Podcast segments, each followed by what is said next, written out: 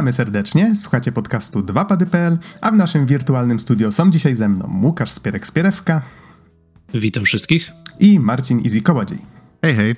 A mówi Adam Noxa 15 Dębski. Nagrywamy natomiast we wtorek 21 stycznia 2020 i będziemy teraz podsumowywać w końcu rok 2019, czyli będziemy rozdawać nasze złote grzybki, zwane też czasami halucynkami, tak, tak... E, nie, nie potocznie, tylko pieszczotliwie. O, to jest słowo, którego lubię w tym przypadku używać. E, przypomnę może tak standardowo, że są to nagrody, które właściwie poza naszym podcastem zupełnie nic nie znaczą. Lubimy określać je jako ultrasubiektywne, czyli każdy z nas gra w co innego, każdy z nas. Um, każdy z nas właściwie zwraca uwagę w grach na inne rzeczy. Więc A i to nie... tak typujemy te same tytuły. Mm, e, mimo to w lata... tym roku jest bardzo, bardzo homogeniczna selekcja. Nie, ogólnie tak na przestrzeni hmm. lat właśnie zdawały się takie lata, że praktycznie to samo wymienialiśmy. Wydaje mi się, że chyba w 2017 były nier automata u absolutnie każdej osoby. Tak. Tak, w nominacjach tak. Tak, A. absolutnie u każdej jednej osoby. Easy, właśnie jednym zdaniem zniszczyłeś wszystko. Kurde. Właśnie o to chodzi. O nie, to powiedziałeś, to są absolutnie subiektywne nagrody, one nie mają znaczenia, więc spoko, jakby. Tak. Jesteśmy znaczy, kryci. Ale to... No czasami po prostu gwiazdy są w porządku i wybierają jeden tytuł, nie? No tak, ale tak jak powiedział Spierek, przede wszystkim chodzi o to, żeby każdy wybrał takie gry, które uważa, że faktycznie według niego zasługują na takie wyróżnienie. Jeżeli trafią się takie same w nominacjach, no to po prostu tak wypadło, tak? Mhm. Nie staramy ogóle, się tego robić na, na siłę jakoś inaczej. W ogóle powiem wam jakby zabawną mm-hmm. anegdotę, że jak przeglądałem te właśnie nasze selekcje z zeszłych lat, to tak sobie patrzę, jakby jadę po tym, co każdy nominował w każdym kolejnym roku i tak patrzę i tak zjeżdżam do, jednej, do jednego e, do jednego pola w 2018 i tak patrzę, kurde, ta osoba miała dobry gust, a potem zobaczyłem i tam był mój nick. Nie, to no, no, ważne, że doceniasz swoje tak, własne zdanie. Doceniam więc... swój gust tak, z zeszłego tak. roku. Jakby, e, sea of Thieves i Destiny 2 ze mną nie zostały, ale z całą resztą wyborów jakby 100% się zgadzam.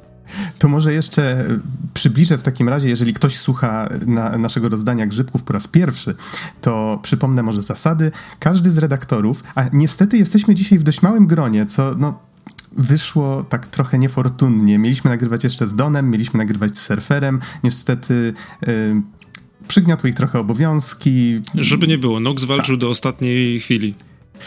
Tak, to, to prawda. Walczyłem do ostatniej chwili, niestety, no Przesuwaliśmy już kilkukrotnie, dlatego właśnie tak późno nagrywamy to podsumowanie. Zobaczymy, może za rok uda nam się to troszeczkę lepiej zorganizować, a może zupełnie zmienimy formułę. Na przykład myśleliśmy na przykład o tym, żeby nagrywać osobno z każdą osobą, bo na przykład ciężko jest się zebrać w 4-5 osób już w tej chwili i tak dalej. Taki i trochę wywiad z wampirem, tylko że Nox jest wampirem. Jest Castle Keeperem w końcu. O, nie? jesteście. O, dziękuję, Easy. Ciekaw jestem, czy ktokolwiek zrozumiał, o co chodzi. tak, na przykład jest kolejnym słowem, które muszę wrzucić na listę rzeczy, których nie powinno się powtarzać co każde zdanie. Zasady. Miałem, wspomnieć o zasadach. Każdy z redaktorów, już pomijając to, ilu nas dzisiaj jest na podcaście, każdy ma swoje własne nominacje. Już tak tradycyjnie wyszło, że staramy się trzymać powiedzmy pięciu tych nominacji, żeby nie było ich mniej, nie było ich więcej. Każdy z nas ma jednego grzybka do wręczenia, tyle że my przed podcastem nie mówimy sobie, jaka, która z tych gier, z tych nominacji dostanie tego grzybka. Listę nominacji mamy przed sobą, więc wiemy, co pozostali wybrali. Y, do nominacji, ale nie wiemy, która z tych gier dostanie y, to, to najważniejsze wyróżnienie. Będziemy sobie bawić się w takie zgadywanki, co też jest jakby częścią właśnie tej, y, tego wręczania, tej całej zabawy. No i mamy nadzieję, że też będziecie się z, razem z nami dobrze bawić. Będziemy też mówić trochę ze względu na to, że mm, w, w zeszłym roku, na początku grudnia, nasz podcast skończył 10 lat no to jest niemało. Będziemy też pewnie mówić właśnie trochę o ostatniej dekadzie planowaliśmy może zrobić coś w rodzaju grzybków dekady albo coś takiego, no ale ze względów właśnie organizacyjnych musieliśmy troszeczkę stemperować, zmniejszyć te plany i po prostu podyskutujemy sobie trochę o tym, co się działo przez ostatnie 10 lat. Może uda nam się dojść do jakichś sensownych wniosków albo właśnie przypomnieć jakieś warte, warte wspomnienia gry czy wydarzenia związane właśnie z branżą. I może warto jeszcze dodać, skoro wspomniałem o tym, że 10 lat już podcast skończył, nie jest to dziesiąta edycja Grzybków, co ciekawe, jest to dziewiąta edycja, bo Grzybki po raz pierwszy wręcza, wręczaliśmy w odcinku 51, jak podsumowywaliśmy rok 2011. To taka ciekawostka, ale myślę, że do tej listy, bo tutaj właśnie przygotowaliśmy sobie specjalnie na tę okazję listę wszystkich tych nominacji, e, jakie mieliśmy e, przez te lata i, I, być może do niej wrócimy jeszcze pod koniec tego odcinka i będziemy sobie właśnie robić jakieś takie wspominki. Tak więc, żeby już może nie przedłużać bardziej, powiedzcie mi panowie, czy chcemy przed wymienieniem naszych nominacji jeszcze o czymś podyskutować, czy już lecimy po prostu w tym kierunku? Wydaje mi się, że możemy lecieć. Nie no ma co trzymać ludzi w niepewności. Okej, okay. to najpierw będziemy mówić o swoich nominacjach, potem zrobimy sobie właśnie tę zgadywankę i już tak będziemy wtedy mówić o wręczać, wręczać nagrody. E, powiedzcie mi, w jakiej kolejności to robimy, bo to jest coś, o czym faktycznie zapomnieliśmy przedyskutować przed nagrywaniem, więc może zdecydujmy teraz w miarę szybko. Gdybyśmy tylko być... widzieli swoje ręce i mogli zagrać kamień, papier, nożyce. Hmm. Może to jest pomysł na przyszły rok, żeby rzeczywiście tak. razem z kamerkami to, to wszystko nagrać. Nie? To o, po raz pierwszy. Po raz pierwszy zobaczyć, jak wyglądamy. Nie, nie, nie chcecie na mnie patrzeć, jak z wami nagrywam. Teraz jestem ciekaw. Nie, żartuję. Ja tak kiedyś żartowałem ze Spierkiem, że o, Spierek, tylko byś się rozczarował, bo ja tu bez przerwy, zamiast was słuchać, to robię coś innego, tak? Nie, no tak, to znaczy, wiesz co, jeżeli byś się robił coś innego, to całkiem spoko, nie? Gorzej jakbyś robił to, co pracownicy, którzy pracują zdalnie i się dzwoniają na telekonferencję i mm. byłoby to widać. Teraz, teraz no, w sensie, że no, dzwania się na konferencję, co nie, i oczywiście krawat, koszula, wszystko pięknie, ładnie, no a pod spodem w gaciach siedzisz. A, tak, ale to jest, to jest nie, chyba nie, standard. Jestem, jestem, ładnie dzisiaj ubrany, spokojnie.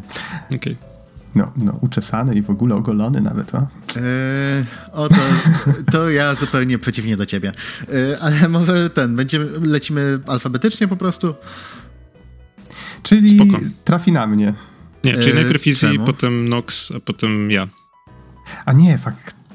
Ty, tak działa alfabet, nie, tak. Tak działa alfabet, tak. dobrze mi wspomniałeś. Tak, tak, tak, tak, tak. Dobrze, dobrze. I jest przed N. Wszystko się zgadza, tak. tak, tak, tak. Dokładnie tak. Everything to przypomnę, że, przypomnę, że nominacje też wymieniamy alfabetycznie, więc ta kolejność nie ma jakby większego znaczenia, żeby nikomu nic a. nie sugerować, tak? Tak jest. Nominacje nie mają znaczenia, kolejność nie ma znaczenia, nic nie ma znaczenia. Wszyscy jesteśmy tylko pyłkami, które podążają gdzieś w kosmosie na wielkiej gwieździe. No, Dokładnie, ale tak. E, tak. Wracając do nominacji. E, to ja, jak, jak chyba zresztą rok temu, po prostu postanowiłem wybrać pięć gier, które w pewien sposób się po prostu wyróżniły ponad wszystkie inne, według mnie, i które warto docenić, i niektóre z nich zostały docenione bardzo mocno, niektóre mniej. Ale tak, przechodząc. Y, moją pierwszą nominacją jest Baba Is You, które wyszło w sumie na wiele platform. Mogłem, mogłem się lepiej przygotować i sobie zapisać platformy. Mniejsza z tym. Mam, Baba wrażenie, mam wrażenie, że te, te, akurat z reguły jesteśmy bardzo dobrze przygotowani na grzybki. Wszystko idzie perfekcyjnie, ale w tym roku po prostu wszystko, co może, idzie nie tak. Jestem Ej, ciekaw, to, jak to się potoczy. Wyobraźcie sobie, co będzie w przyszłym roku. Wydaje mi się, że akurat w przypadku grzybków sobie możemy odpuścić encyklopedyczne informacje, bo będzie więcej encyklopedii niż dyskutowanie o grze. w sumie racja. A wszystkie są z tego samego roku, więc... Tak, jeżeli pamiętasz, w którym odcinku mniej więcej mówiliśmy, to możesz powiedzieć, ale nie musisz. Po prostu przypomnij mniej więcej, o czym gra jest, albo dlaczego właśnie postanowiłeś umieścić ją w nominacjach. Dobra, to Baba Is You postanowiłem wyróżnić przede wszystkim za projekt. W sensie to jest gra, która łamie wszelkie bariery, zarówno po prostu mechanicznie jest tak skonstruowana, że tak jakby same założenia samej gry to jest to, że się bawimy regułami. Mamy reguły, które, które możemy przesuwać tak jak klocki w starym, dobrym Sokobanie i po prostu układać odpowiednie zdania, które wpływają na całą grę. I to jest tak bardzo psuje mózg. Po prostu to jest gra, która wymaga tyle myślenia i to rzeczywiście takiego myślenia powiedzmy out of the box, nie? W sensie, że musimy po prostu pomyśleć trochę inaczej. I co więcej, nie dość, że tak wraz z biegiem kolejnych poziomów gra się robi coraz bardziej skomplikowana, dochodzą nowe słówka kluczowe, nowe, nowe obiekty, nowe, nowe różne rzeczy, którymi możemy manipulować. To jest przedstawiona w na tyle atrakcyjny i przystępny sposób. W sensie grafika jest taka mega prosta, pikselowa i po prostu wy, wywołuje uśmiech na twarzy, ale e, kolejne poziomy wprowadzają tak umiejętnie dawkują mechaniki, które się pojawiają. Nie? Na początku mamy proste, że baba is you, czyli że gramy babą, yy, flag is win i po prostu idziemy do flagi i wygrywamy. Spoko, ale później okazuje się, że że flagi są ścianami i wtedy, yy, i wtedy musimy zacząć kombinować, gdzie to przesunąć, czy może yy, czy może zmienić samą zasadę, czy podmienić przedmiot, który nam zagwarantuje zwycięstwo i rzeczywiście tak im dalej jesteś w grze, tym bardziej te, tym więcej te łamigłówki wymagają po prostu inwencji twórczej.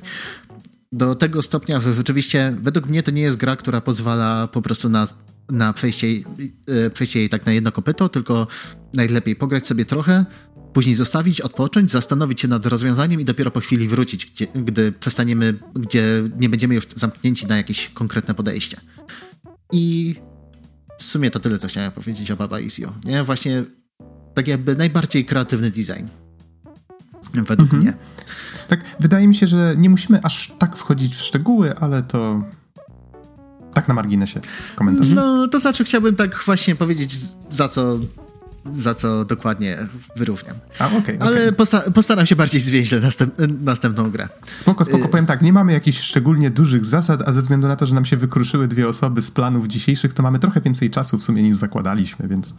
Mm, niby tak, ale próbujmy, spróbujmy to nagrać jeszcze dzisiaj.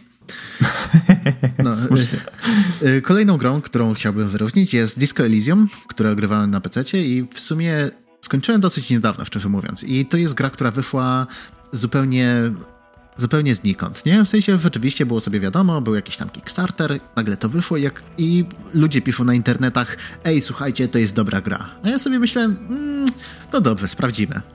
Odpaliłem pierwszy raz i chyba z 6 czy 7 godzin później było takie o oh, damn, to jest dobra gra. W sensie Disco Elysium y, jest prześwietnie napisanym RPG-iem, który jest w sensie grą, która ma elementy RPG, ale de facto jest taką dark noir, dark noir, yy, neo-noir przygodówką, taką trochę point and click, w sensie mamy, mamy drzewko skilli, mamy konkretne jakieś tam umiejętności, wrzucamy w nie punkty, te wszystkie punkty później wpływają nam na rzuty kośćmi, które po prostu musimy y, odpowiednio duży wynik wyrzucić, żeby, żeby do, po prostu jakąś akcję dokończyć. I i tak naprawdę musimy rozwiązać po prostu sprawę morderstwa, ale jest to tak dobrze napisana gra.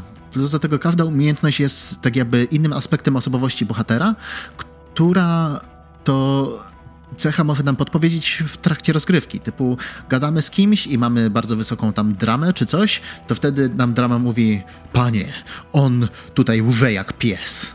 Nie? Albo mamy logikę i logika podpowiada: Tak, to co on mówi, to się dosyć zgadza, ale, ale przeoczył ten jeden błąd i mamy przez to nowe, e, nowe opcje dialogowe. Plus do tego oczywiście testy, które jeżeli nie wyjdą, to wpływają, wpływają na samą grę, na, na to, co się będzie działo, ale dalej ta gra jest kontynuowana. I nawet takim bardzo ważnym aspektem Disco Elysium jest to, że tam nie ma nawet walki tak naprawdę. W sensie to jest, to jest gra, w której nie ma mechaniki walki. Bo jest zupełnie niepotrzebna narracja, tutaj wszystko ciągnie i udaje się to po prostu wyśmienicie. Ale tak naprawdę więcej o tym pewnie powiemy dopiero jak będzie, jak będzie recenzja. Nie mówię kiedy, kiedyś, w przyszłości. Mhm, pozwolę sobie tutaj wskoczyć, ponieważ nie będę miał potem okazji, ale dla mnie Disco Elysium to był właśnie taki szósty wybór do tej naszej top piątki i niestety to jest gra, która odpadła z mojej listy, pomimo tego, że bardzo, bardzo mi się podobała, bo tak jak wspomniał Easy jest, e, jest fenomenalnie napisana, e, jest jakby bardzo ciekawym rozwinięciem idei tych właśnie komputerowych RPGów przeniesionych z papieru, które kiedyś tam zapoczątkowały Baldur's Gate i inne tego typu gry. E, tylko, że rozwija to właśnie w takim kierunku, który nie wymaga walki, nie wymaga tych jakby niepotrzebnych, znaczy no nie, nie niepotrzebnych, ale nie wymaga jakby tej, tej mechanicz, tego mechanicznego podejścia do przemocy, a zamiast tego właśnie wszystko opiera na sile tego, jak, je, jak ta gra jest napisana, jest naprawdę, naprawdę fenomenalnie napisana, więc e, jeżeli ktoś lubi dobrą prozę, to wydaje mi się, że to jest e, niesamowicie ciekawy wybór do sprawdzenia. Mm, swoją drogą, y, z tego co się orientuję, to właśnie tam książka napisana przez twórców Disco Elysium, która jest tak jakby w tym samym świecie, y, jest właśnie tłumaczona i powinna być, jakoś niedługo powinna być informacja o premierze właśnie angielskiej wersji. Mhm. Więc to, to, jest coś, co warto, y, czym warto się zainteresować, tym bardziej, tam twórcy bardzo dużo takich i politycznych, ekonomicznych, socjologicznych tematów podejmują. Mm, dobra, to kolejną, e, kolejną moją nominacją jest Fire Emblem Free Houses, o, których, o którym już mówiliśmy w 272 odcinku naszego podcastu. I e, Fire Emblema chciałbym e, wyróżnić za to, jak można podejść do starej serii, która ma swoje korzenie już, nie wiem, z 20 lat, więcej, 25 lat chyba. Bądź co bądź, bardzo dużo. Dużo. Nie, jest, jest bardzo starą serią, która cały czas trzyma taki, taki rdzeń mechaniki, jest w sumie jest w sumie bardzo podobny od, od zarania dziejów, nie? Ale właśnie Fire Emblem Free Houses pokazuje, jak dobrze zrobić kontynuację właśnie takiej serii. Zarówno mamy yy, yy, zarówno mamy yy, mechanicznie rozwinięcie tych idei, w sensie w sensie dochodzą nowe jednostki, nowe umiejętności. Fire Emblem zawsze też wstawiał na to, że postacie które mamy, które mamy w armii, mogą zginąć i po prostu już permanentnie nie będą, nie będą członkami naszej armii. Tutaj został wprowadzony, wprowadzony mechanizm, mechanika przewijania paru tur, co i to tak ludzie robili głównie sejwując i zaczynając walkę od początku, więc to jest taki quality of life. I właśnie nie dość, że jest rozwinięta mechanika w sensie dodane nowe elementy, to właśnie bardzo dużo elementów, które już istniały w serii, zostało usprawnionych. Quality of life zmian jest po prostu cały multum. Od jakichś e, właśnie decyzji podejmowanych przez przeciwników, w sensie, które nasze jednostki będą atakowane, przez wyślenie wszystkie, wszystkiego na mapie w bardzo przystępny sposób. E, a do tego jeszcze jest narracja, która jest nawet jest, jest bardzo fajna. Kilka różnych ścieżek do wyboru, gdzie poznajemy większą historię i typowe. Jeżeli więcej twórców by robiło swoje, w sensie takie stare serie, które już no, które już się zestawały po prostu. Zamiast wydawać kolejną, kolejną edycję tego samego, to gdyby tyle miłości wle wlewali co twórcy właśnie Fire Emblem Free Houses, to świat byłby trochę lepszym miejscem. E, kolejny tytuł to może być trochę zaskoczenie, chociaż nie dla Spierka, e, bo chwilę gadaliśmy przed samym podcastem. Będzie to Ring Fit Adventures Adventure, które wyszło na Nintendo Switcha i które jest bardzo ciekawym podejściem do, e, do gatunku, który bardzo często był traktowany tak jako third class citizen, nie? W sensie tak pobłażliwie z góry i na zasadzie, że to, się, to, i to tak się sprzeda. Czyli w sensie... można powiedzieć, że to jest taki następca Wii Sports. Ja właśnie chciałbym bardziej powiedzieć, że, tak. znaczy nie, Wii Sports jest bardziej grą taką imprezową, taką, że odpalasz ją, ale nie po to, żeby poćwiczyć, tylko żeby się pobawić. Jest taki bardziej dobrze zrobiony następca Wii Fit, który nie jest po prostu przyrządem do ćwiczeń, ale jest faktycznie grą longformową, opakowaną, w którą jest opakowany ten przyrząd do ćwiczeń. Tak, i widać, że po prostu bardzo dużo y, pracy zostało poświęcone na to, żeby y, z jednej strony zrobić y, właśnie narzędzie do, do, ćwiczeń, nie? W sensie, że konkretne, konkretne ćwiczenia, pogrupowane, ogarnięte, jakieś tam odpowiednie interwały, plus do tego, żeby pilnować trochę gracza i uświadamiać go na temat ćwiczeń, w sensie po, po każdym po każdej rozgrywce mamy, y, mamy jakieś podpowiedzi, na temat zdrowego żywienia się, jakieś, jakie tam grupy mięśni pracują i tak dalej, i tak dalej. A oprócz tego to jest naprawdę dobra gra. Nie? W sensie już pomijając same akcesorium, które jest solidnie wykonane i nawet ostatnio jak byli znajomi na imprezie, to tak jeden z nich, który, który całkiem sporo czasu e, spędza na siłowni, tak bierze tą obręcz i tak ściska i mówi ej, to naprawdę daje opór, tym naprawdę można poćwiczyć, nie? Więc mamy to akcesorium, które jest bardzo solidne, ale sama gra jest, jest fajna, nie? W sensie jest oczywiście, jak to w stylu Nintendo, bardzo, yy, bardzo ubogi voice acting, bo de facto mamy tylko jedną postać, która, która coś mówi. Yy, ale są różne postacie, różne krainy, wszystko jest utrzymane tak, jest spójne tematycznie po prostu. Oczywiście wszystko się kręci gdzieś tam wokół siłowni, wokół ćwiczeń, więc mamy, mamy i biewnie, mamy jakieś specjalne takie e, minigierki, które właśnie konkretne partie mięśni e, u nas ćwiczą, ale przede wszystkim chciałbym wyróżnić Ring Fit Adventures za to, że to jest, to jest gra, która pozwala mi się cieszyć z ćwiczeń. W sensie ćwiczenia takie, takie codzienne są, są nudne, no nie oszukujmy się. A to jest coś takiego, że biorę co, rzeczywiście codziennie rano wstaję, odpalam przez tam jakieś 20-30 minut codziennie ćwiczę i to dalej jest fajne. Mm, Okej. Okay. I ostatnim, y, moją ostatnią nominacją jest y, Resident Evil 2 który był recenzowany w 266 odcinku. Oczywiście chodzi tutaj o remake, który został wydany w tym roku. I mm, nominuję go jako przykład dobrze zrobionego remake'u. W sensie, aktualnie żyjemy w epoce remake'ów. Wszystko jest remakeowane i no, nie oszukujmy się, poziom tych remasterów, remake'ów, portów czy czegokolwiek jest bardzo różny.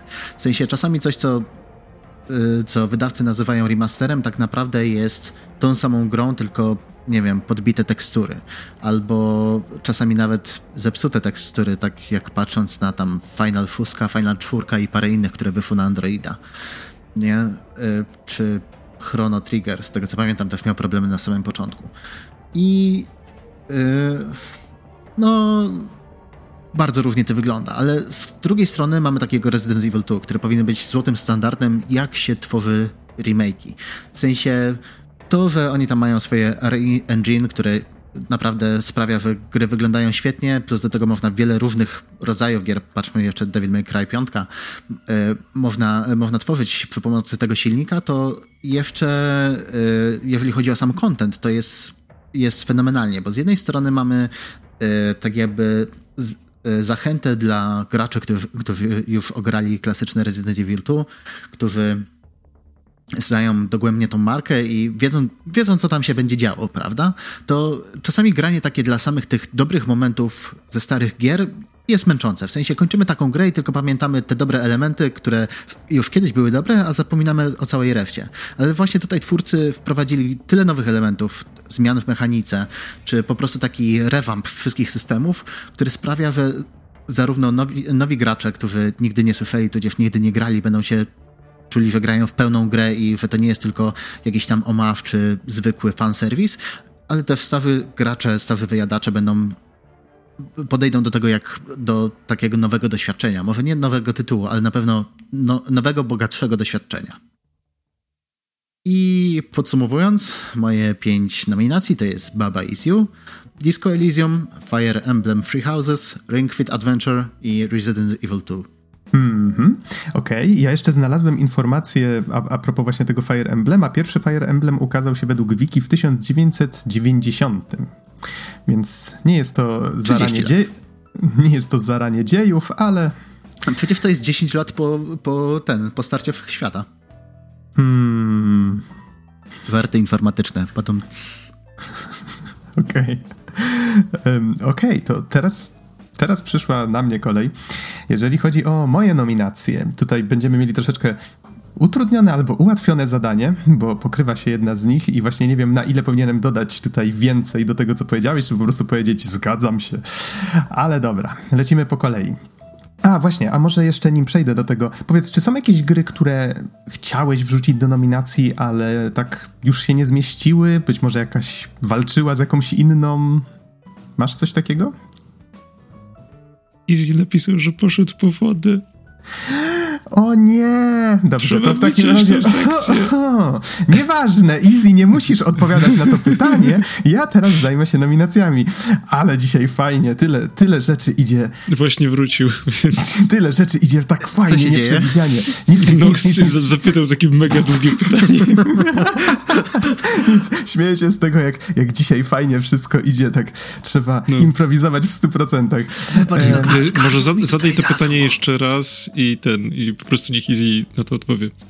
Tak, tak, tak, tak, easy. Znaczy Słucham. nie, no ja mam nadzieję, że będąc tam, gdzie byłeś, słyszałeś to, co mówiłem, ale tak już zupełnie poważnie. Powiedz mi, czy były jakieś gry, które chciałeś wrzucić do nominacji, ale się tam nie zmieściły? Tak, albo ledwo się zmieściły, może coś fajnego też tam znalazłeś, co twierdzisz, że może warto wymienić? Mm, to znaczy, wiesz co, akurat nad takimi tytułami się nie zastanawiałem. Gdzieś tam po prostu odrzuciłem na poziomie yy, samego rozkminienia, o czym chciałbym mówić w, w kontekście nominacji.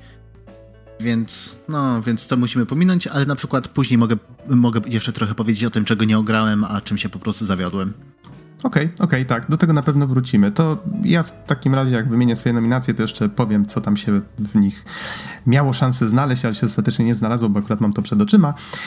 Natomiast tak, lecąc po kolei już alfabetycznie, mam nadzieję, że tym razem pamiętam, jak działa alfabet. Pierwszą grą na mojej liście jest Control. Literka C.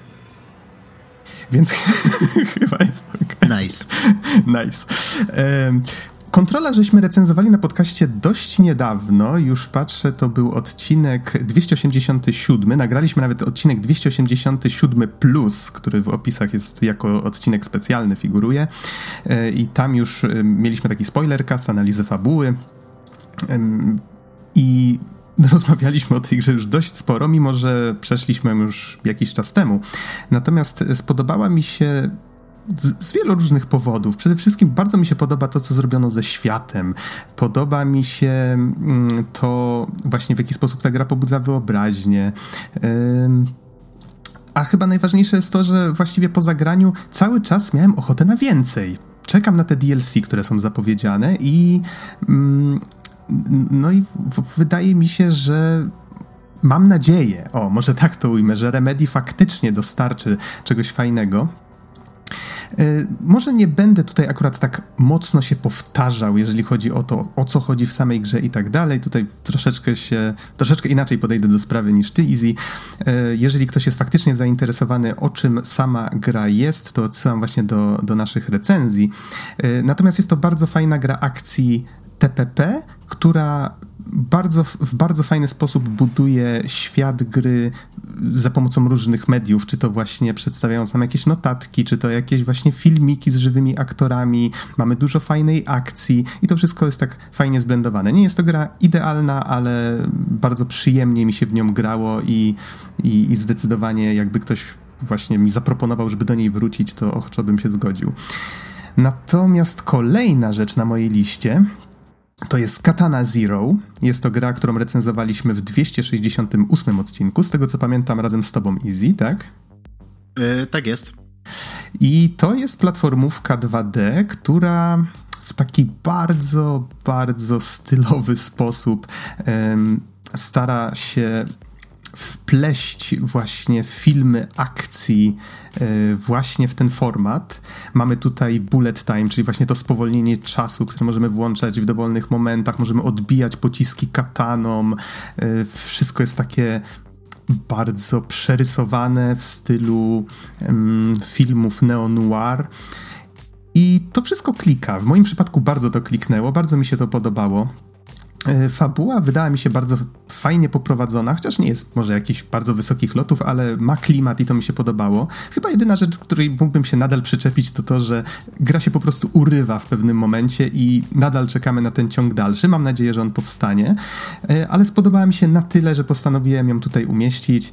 Mm, bardzo też te sekwencje tego takiego, można by powiedzieć, że cała gra właściwie jest takim takim narkotycznym snem może, znaczy nie dosłownie, ale chodzi mi o to, że y, jakby twórcy starają się taki klimat uzyskać. Tutaj Spierek przed nagrywaniem e, powiedział mi, że no w sumie tak, no ale mm, e, jak się nazywała ta gra? Hotline, Hotline Miami? Hotline Miami.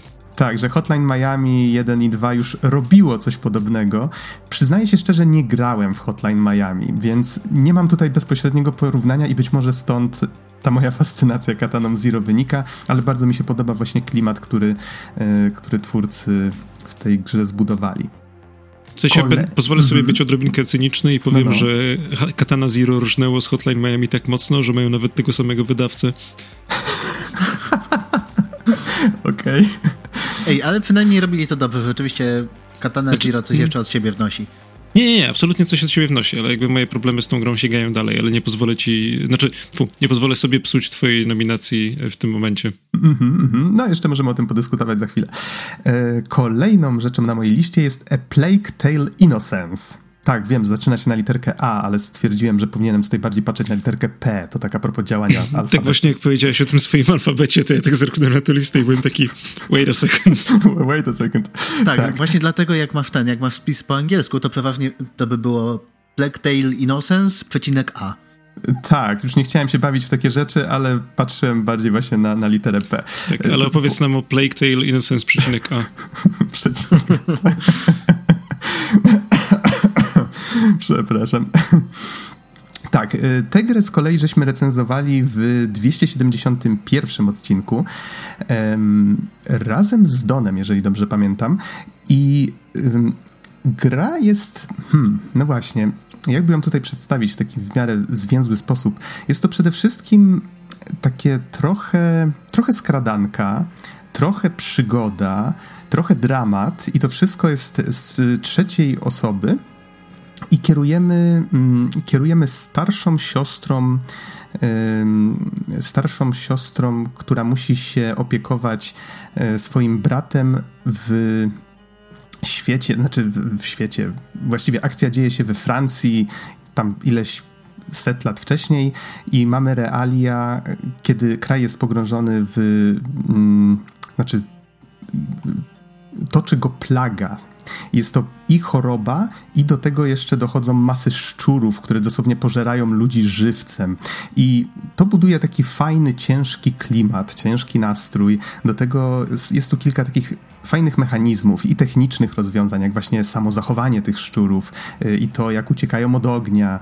Y, różne mechaniki fajne, które właśnie, za pomocą których twórcy bawią się tą technologią, czyli właśnie to, że musimy gdzieś tam albo rzucić zapaloną pochodnię, żeby przejść, albo na przykład komuś zgasić pochodnię, żeby, no cóż, pozwolić mu e, umrzeć w męczarniach, żeby odwrócić uwagę szczurów i my w tym czasie gdzieś tam przemykamy.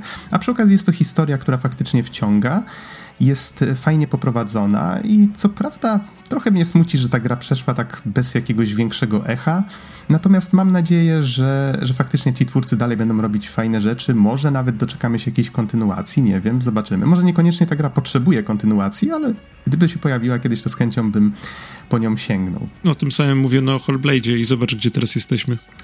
No, bardzo dobry przykład. Idealny wręcz. E, więc może o Plague Tale już nie będę więcej mówił, ale, ale tak, to jest zdecydowanie gra, którą jeżeli się jeżeli wcześniej nie była na waszym radarze, zobaczcie, może warto się nią zainteresować. Kolejną rzeczą na mojej liście jest Resident Evil 2. No i tutaj właśnie, tak, tu mam ten problem, że Easy już bardzo dużo na temat tej gry powiedział, więc być może część z tego powtórzę. Ale też wydaje mi się, że to jest świetny, naprawdę świetnie zrobiony remake. I tutaj warto podkreślić, to nie jest remaster, to jest kompletne wyobrażenie sobie tej gry od nowa, zrobienie jej od podstaw na podstawie materiału źródłowego, czyli taki pełnoprawny, pełnokrwisty remake. I zrobiony naprawdę cudownie rozpuszczaliśmy się tutaj już na, na recenzji, gdzie pamiętam, że żeśmy nagrywali w kilka osób, chyba nawet z Arkiem Rejkowskim. Tak, tak, na pewno z Arkiem Rejkowskim żeśmy wtedy nagrywali, to był 266 odcinek. Pamiętam, że dość długo żeśmy na temat tej gry dyskutowali. Y, ja o tyle, o tyle byłem na świeżo, że ja w ciągu ostatnich kilku lat zrobiłem sobie taki maraton wszystkich rezydentów. Co prawda nigdy go nie skończyłem, a miałem ochotę zakończyć go właśnie jakimś odcinkiem na ten temat. Mam nadzieję, że jeszcze kiedyś do tego dojdzie.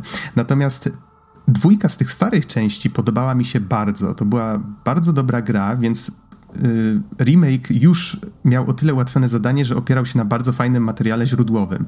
I, I myślę, że wykorzystali go naprawdę świetnie. Nie wykorzystali w pełni potencjału, tego oryginału, ale i tak myślę, że jeżeli ktoś chciałby na przykład zacząć swoją przygodę z Residentem, no to ten remake właśnie z, 90, z 2019 jest no bardzo dobrym miejscem. W sensie to jest, to jest świetna gra, która bierze to, stare mechanizmy, które działały i faktycznie w bardzo dobry sposób przekłada je na nowy język gier, przy okazji robiąc to tak, żeby żeby właśnie nie czuło się archaizmów, a z drugiej strony, żeby, żeby to wszystko było fajne i świeże. I zachowywało właśnie wszystko to, co było dobre i wydawało się dobre wtedy, w tamtych latach. Więc to, to, to działa i dlatego właśnie stwierdziłem, że jak najbardziej ta gra zasługuje na miejsce na tej liście. No i ostatnią grom na mojej liście nominacji hmm, jest Sekiro, Shadows Die Twice. Gra, którą zdążyłem pokochać i znienawidzić w tym roku. Aż się dziwię, że Spierek nic nie mówi w tej chwili, bo już taką... Ta, taką... Nie, ten, opanowałem zen. taką...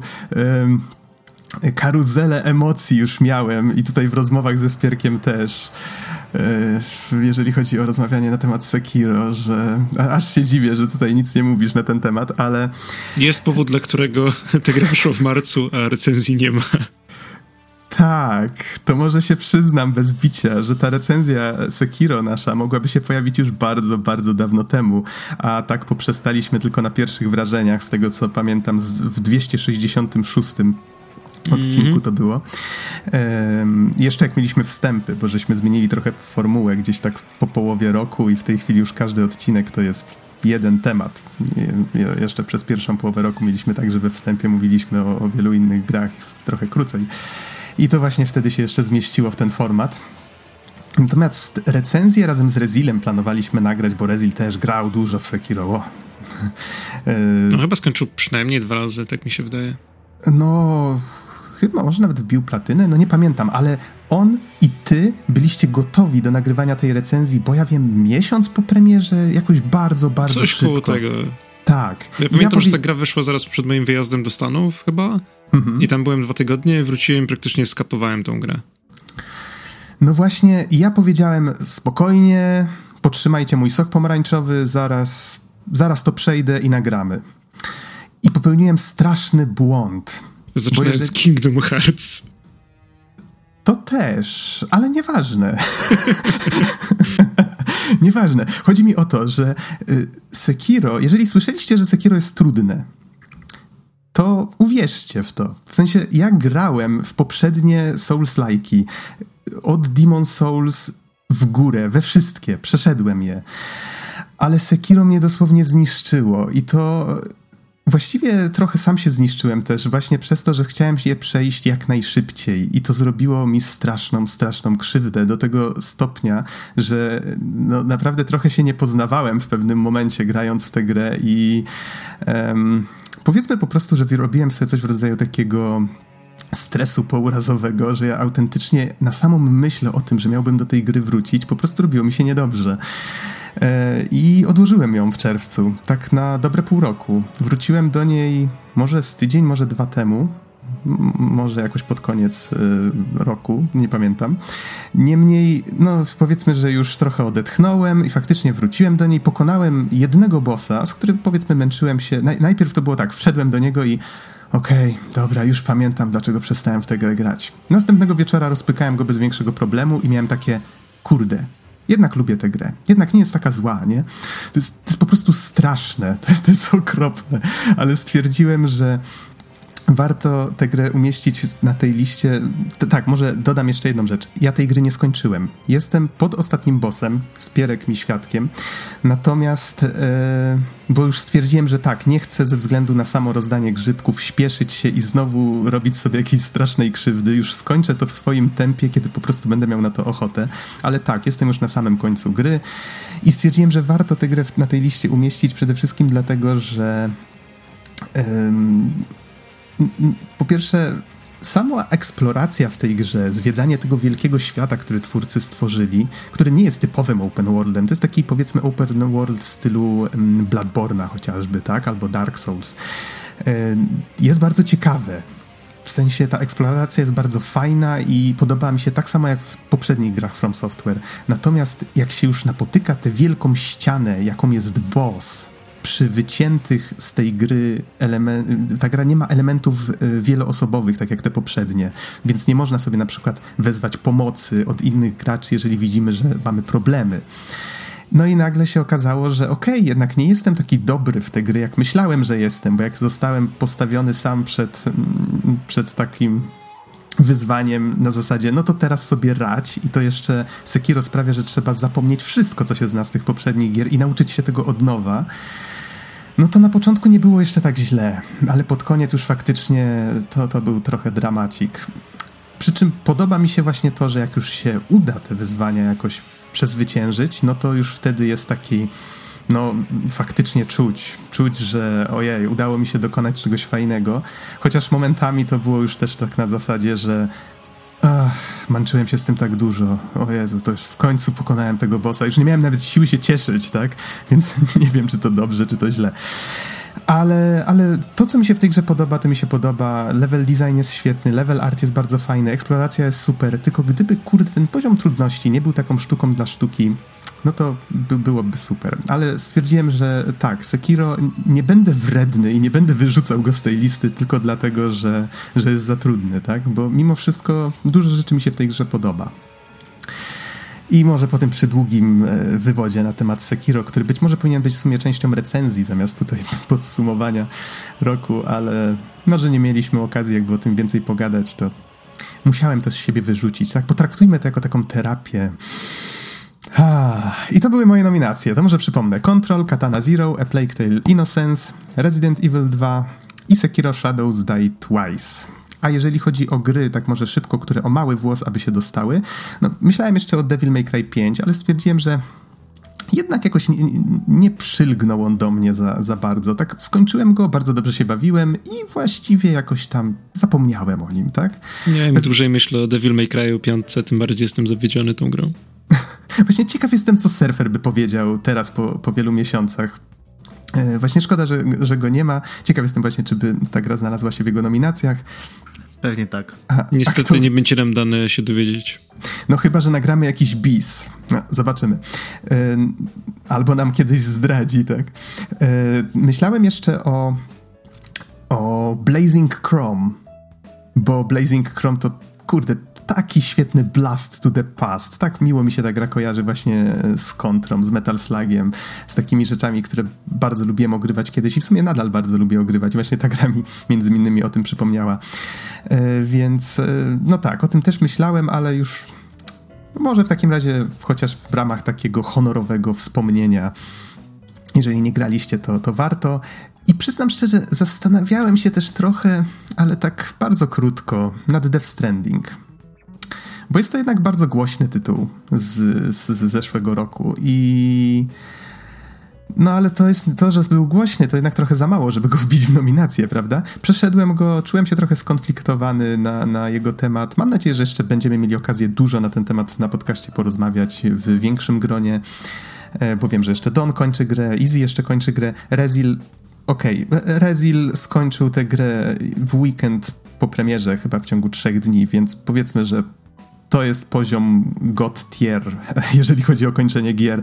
Ja raczej nie, nie, nie, jestem aż tak szybki. E, ale tak, no tutaj może nie będę za mocno się rozkręcał na temat tego, dlaczego Death Stranding nie trafił do nominacji, ale jednak stwierdziłem, że, że, że jest to gra ciekawa, robiąca wiele rzeczy w intrygujący sposób, ale jednak, ale jednak stwierdziłem, że, że nie. Może jednak nie. I żeby nie odbierać ci głosu na dłużej, Spierek, przejdźmy do twoich nominacji. Pam, pam, pam, pam, pam. Dobra, lecimy. E, u mnie będzie trochę nudno pod tym względem, że wy de facto wyeksplorowaliście już całą moją listę nominacji, więc będę powtarzał tak naprawdę gry, które się już pojawiły. Miejmy nadzieję, że wniosę coś w nich do dyskusji. E, I pierwszą grą z brzegu jest właśnie Control. E, Control zrobił na mnie bardzo, bardzo duże wrażenie, bo Przede wszystkim dlatego, że to była gra, która jakby do chyba dwóch tygodni czy miesiąca przed premierą, czy nawet może tygodnia przed premierą, była kompletnie poza moim radarem. Jakby e, lubię gry Remedy generalnie, w sensie Alan Wake spoko, Max Payne spoko, ale na przykład Quantum Break ominął mnie szerokim łukiem i nie czułem z tego powodu jakiegoś dużego braku. Jakby o Control też nie słyszałem za wiele. E, I gra pojawiła się na moim radarze tylko ze względu na jej launch trailer, który jest naprawdę, naprawdę świetny. Jak ktoś go jeszcze nie widział, to bardzo polecam. E, I momentalnie jakby chwyciła moje serce, bo tematyka SCP jest bardzo fajna. World building, który w ogóle zrobiono w tej grze jest super. E, Boże, jaki ta gra ma piękny beton i cały ten jakby brutalizm dookoła jest, jest super fajny. I, I jakby całość ich estetyki, te wielkie napisy, jak się wchodzi do sekcji, wszystko trafia w moje gusta. E, jeżeli chodzi o sam gameplay, to jest trochę mieszanie. W sensie nie do końca zgadzam się z tą otwartą strukturą gry i z tymi misjami, które są repetytywne i z tym systemem walki. Natomiast e, jeżeli chodzi o po prostu taki świat do zwiedzania i pochłaniania jego części i dowiadywania się o nim coraz więcej, e, to gdyby nie Disco Elysium, mógłbym powiedzieć, że żadna gra się do tego nie, zbliżyła, ale, ale nawet jakby no nie jest to aż taki poziom jak Disco Elysium pod tym względem, natomiast jako, cało, jako gra sama w sobie jest bardziej kompletna i bardziej trafiła w moje gusta bezpośrednio. E, kolejną grą na liście jest e, oczywiście Fire Emblem Free Houses, e, które jest od jakby od kiedy tylko zagrałem w Awakening w 2011-2012, jakoś w tamtych okolicach, e, to każdy następny Fire Emblem był dla mnie eventem, że jakby kiedy tylko się pojawia pierwszy trailer, to od razu jesteśmy tacy, oh boy, nie mogę się doczekać, aż wyjdzie kolejny Fire Emblem i będę mógł sobie powalczyć z nowymi jednostkami. Eee, powiedzmy, skończyło się to trochę gorzej w przypadku Fajców, natomiast Free Houses e, od początku wyglądał jak super dużo dobrej zabawy i gra dostarczyła niesamowicie. E, między innymi dlatego, że jest to absurdalnie wielki, taktyczny sandbox, który dostarcza e, absurdalnie wielki taktyczny sandbox, który dostarcza po prostu całą masę rzeczy, którymi my się jako gracz możemy się bawić. I ja zwykle nie jestem osobą, która. Znaczy, staram się minmaxować gry, ale w takim stopniu, jakby w którym nie trzeba jeszcze, powiedzmy, pisać rzeczy na papierze i nie trzeba jakby rozpracowywać buildów dokładnie i starać się zoptymalizować wszystko. E, natomiast niesamowicie dobrze bawiłem się z tym, że gra pozwala właśnie na przykład ewoluować każdą jednostkę praktycznie prawie, że w każdy sposób. E, jest cała masa broni, którymi można się bawić i można jakby e, zawiązywać te relacje między postaciami i te postaci są generalnie spoko i okoliczności jakby bycia nauczycielem w tej akademii sprawiają, że faktycznie troszczymy się o większość z naszych pupili i chcemy, żeby im się dobrze wiodło i żeby nie umarli na, woj na wojnie, tak? To wszystko sprowadza się do tego, że tworzy się taka właśnie super fajna kampania, przez którą bardzo, bardzo przyjemnie się przechodzi i fajnie się jakby eksploruje nie tylko relacje tych postaci z nami i ich jakby historię, ale też relacje tych postaci między sobą, jakby to, co je napędza. E, trochę zawiodła mnie główna historia, w, w, sumie w każdej ze ścieżek. Wydaje mi się, że można to było prowadzić trochę lepiej i jakby e, to, w jaki sposób te konflikty się zawiązują, nie jest super fajne. E, natomiast jakby jeżeli chodzi właśnie o taki world building, e, to jakie są struktury świata, w którym rozgrywa się akcja gry, właśnie to jak te królestwa, jakie te królestwa mają relacje między sobą, kim są postaci, którymi sterujemy, e, jak na przykład ich rody królewskie, czy tym, ich pochodzenie wpływa na to, kim są te postaci i jak na przykład czasami te postaci walczą ze swoim własnym przeznaczeniem, czy starają się e, zmienić los, który jest trochę predeterminowany tym, skąd pochodzą. E, jakby to wszystko łączy się w taką bardzo, bardzo fajną historię o ciekawych postaciach. E, pomimo tego, że na przykład nie podoba, jakby nie mam takich pojedynczych postaci, na przykład, które, e, które podobały mi się tak bardzo jak niektóre pojedyncze postaci w Awakening, to wydaje mi się, że jako ogólna e, jakby historia do pochłaniania jest to, jest to naprawdę, naprawdę fajne osiągnięcie. A kolejną grą na mojej liście jest Resident Evil 2. Z tych samych powodów, które obydwaj wymieniliście. Jest to niesamowity remake oryginałów, który co prawda nie miałem okazji zagrać samemu. E, obserwowałem tylko przez ramię, jak ktoś grał w tą grę przez chwilę. E, bardzo, bardzo dawno temu. Natomiast e, no jest to, jest to niesamowite osiągnięcie tego, jak powinno się remakeować gry. Jest to e, fantastyczny przykład tego, że to nie, nie chodzi tylko o to, żeby jakby wziąć grę sprzed 20 lat i włożyć ją w nowe szaty graficzne i zrobić trochę lepsze modele i trochę lepsze animacje i do, dograć cutscenki i może wrzucić jakieś QTE, żeby powiedzieć, że o, to jest gra, która jest nowoczesna, ponieważ mamy quick time eventy, tylko faktycznie jakby tutaj odrobiono, lek- odrobiono pracę domową, jakby designerzy usiedli i zastanowili się, ok, które elementy działały wtedy, ponieważ wtedy tak projektowano gry, które z tych elementów powinny być odświeżone, ponieważ tak się teraz projektuje gry. E, I wszystko począwszy od interfejsu, przez to jak się strzela, przez to jak się eksploruje tą przestrzeń trójwymiarową, e, przez to jak działa kamera, e, zostało przerobione w taki sposób, żeby działało tak jak trzeba. I zostało też wzbogacone o rzeczy, które wtedy nie mogły działać ze względu na ograniczenia technologiczne, ale świetnie wzbogacają świat tej gry. Widzę Mr. X, który biega za nami przez przez komisariat i służy jako taki antagonista, który faktycznie wprowadza no, dużo, dużo niepokoju, dużo dreszczów w tą rozgrywkę i ewidentnie jest też podwaliną pod to, jak w przyszłym roku ma się ukazać Resident, znaczy już w sumie w tym roku ma się ukazać Resident Evil Trójka, e, w którym zakładam, że Nemesis też będzie działał w trochę podobny sposób, pewnie odrobinę inaczej, pewnie odrobinę agresywniej, ale e, no, my już, my już bierzemy pigułki na uspokojenie. E, I jest to też gra, która jakby po tym, jak ją skończyliśmy, jakby sprawiła, że chcieliśmy cofnąć się i kupić i przejść e, Resident Evil 7, które pierwotnie pominęliśmy. I tam też bawiliśmy się naprawdę dobrze, chociaż to są dwie dosyć mocno inne gry. Jakby widać pewne podobieństwa, ale przez inny kąt, jakby inne nastawienie do horroru e, są to, są to inne gry. Natomiast ta gra była tak dobra, że sprawiła, że chcieliśmy nadrobić braki w serii. E, tak. Kolejną grą na liście jest e, Ring Fit Adventure, też wspomniany przez Ziego, i to jest jedna z gier, w której w tym roku spędziłem prawie najwięcej czasu. Znaczy, no nie najwięcej, ale spędziłem przy niej naprawdę sporo czasu, e, pomimo tego, że ukazała się w październiku. E, I jest to, tak jak właśnie wspomnia wspomniałeś, super fajny przykład tego, jak nie jest to po prostu przyrząd do ćwiczeń, ani nie jest to po prostu gra, to jest jakby złączenie tych dwóch rzeczy w coś, co daje coś, co zdecydowanie jest jakby wie, czymś więcej niż suma tych poszczególnych części. E, jest to bardzo fajna gra do grania w, a jednocześnie jest to naprawdę, naprawdę dobrze zrobiony system treningowy, gdzie nie jest to tak jak po prostu było w Wi-Fi, nie jest to taki balance board, który pozwala nam robić część ćwiczeń, ale jakby nie, nie ma tego pełnego zestawu. E, to tutaj jakby ten, ten RingCon, czyli opaska fitnessowa, zapomniałem jak to się nazywa, ale to ma jakby swoją normalną nazwę. E, wydaje mi się, że opaska oporowa, resistance band, to może być coś w tym stylu. E, pozwala wraz z tym przyrządem, który wchodzi nam na nogę, na robienie naprawdę sporej gamy różnych ćwiczeń od jogi do aerobiku, do jakby rzeczy, które celują w konkretne mięśnie konkretne części ciała.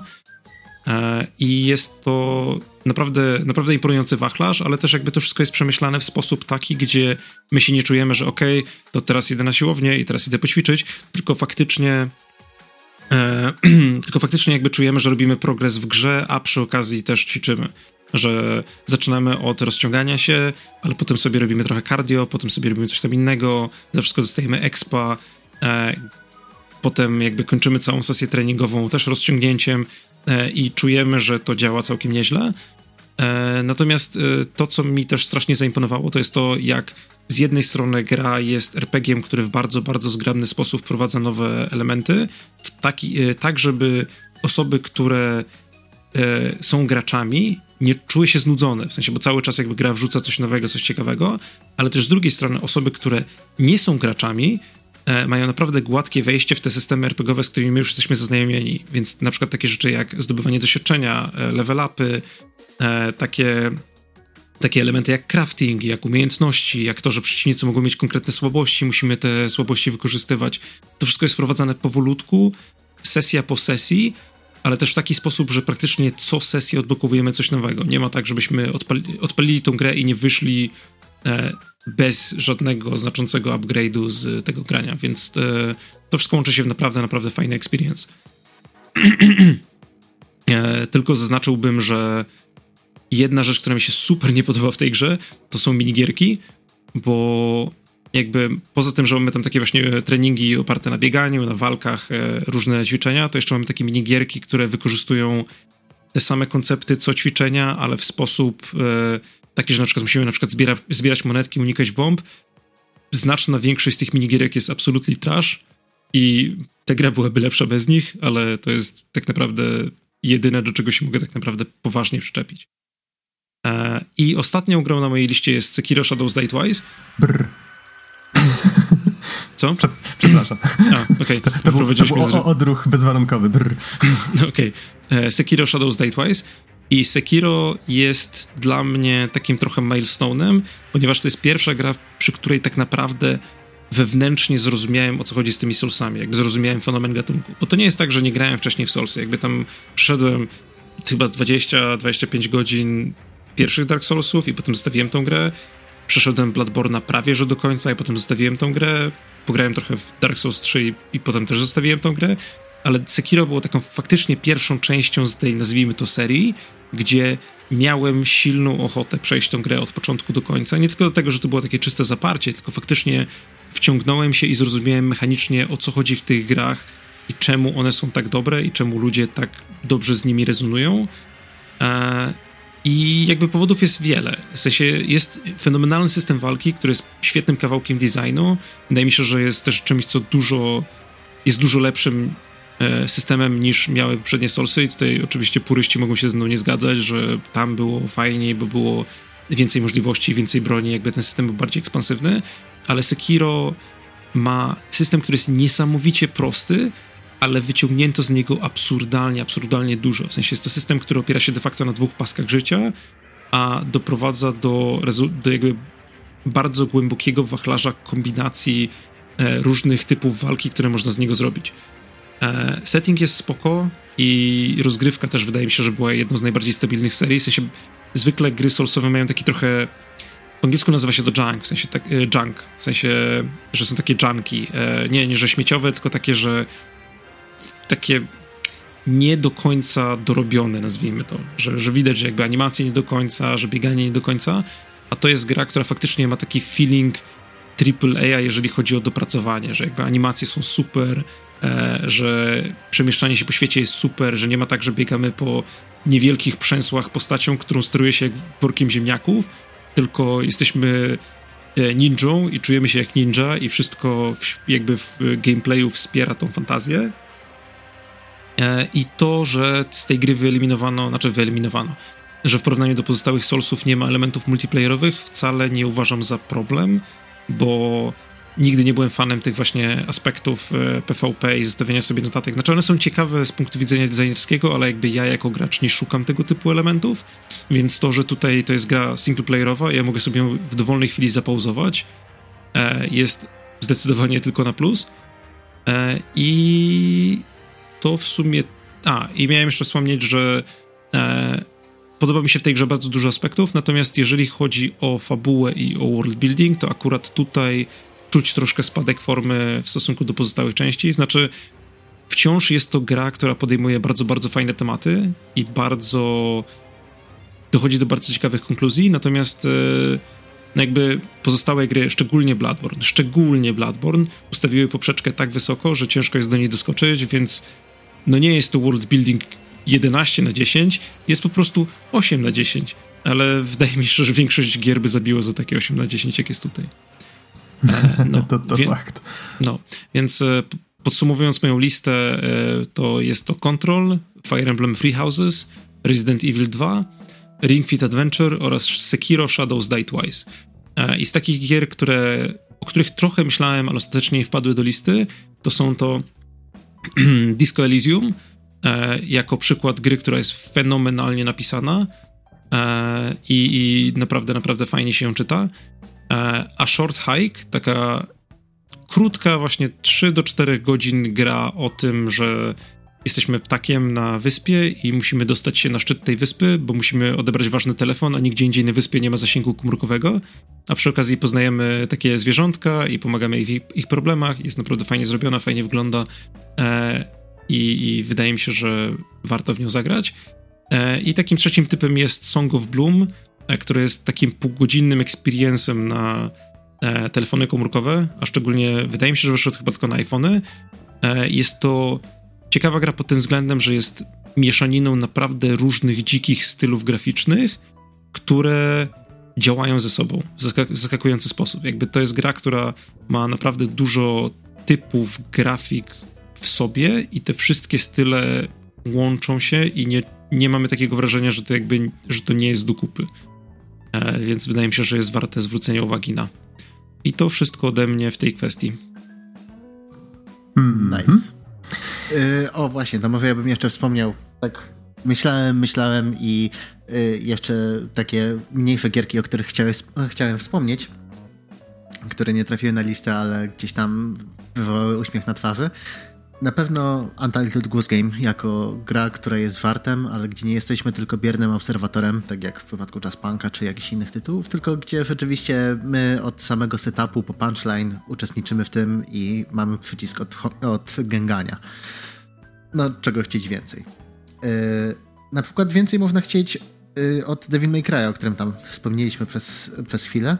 Chciałbym, żeby takie nagrania, takie... Yy, motion capture do cutscenek, w sensie bez żadnych efektów, czy z jakimiś tam takimi lekkimi efektami przed pełną wizualizacją, żeby to trafiało po prostu jako ten, jako ustawienie w opcjach, że możemy oglądać cutscenki w taki sposób. To, co było w Devil May Cry 5 było po prostu cudowne. Patrzeć, jak e, właśnie ekipa mockupowa gdzieś tam macha łapami, skacze po planie i widać, jak, e, jak technicy e, przeciągają jakieś zabawki potem po podłodze. E, zaraz, zaraz, ale można było to podczepić pod cutscenki?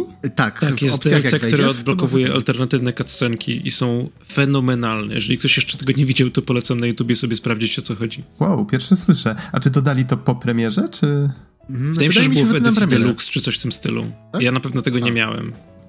A, czyli, czyli A, nie okay. jest to tylko forma jakiegoś tam making offa, to jest po prostu, że grasz i oglądasz, tak? Tak, dokładnie. Nie, nie, nie w sensie nie, nie, rozumiesz, nie, nie rozumiesz. E, to nie jest making of, to jest coś zupełnie innego.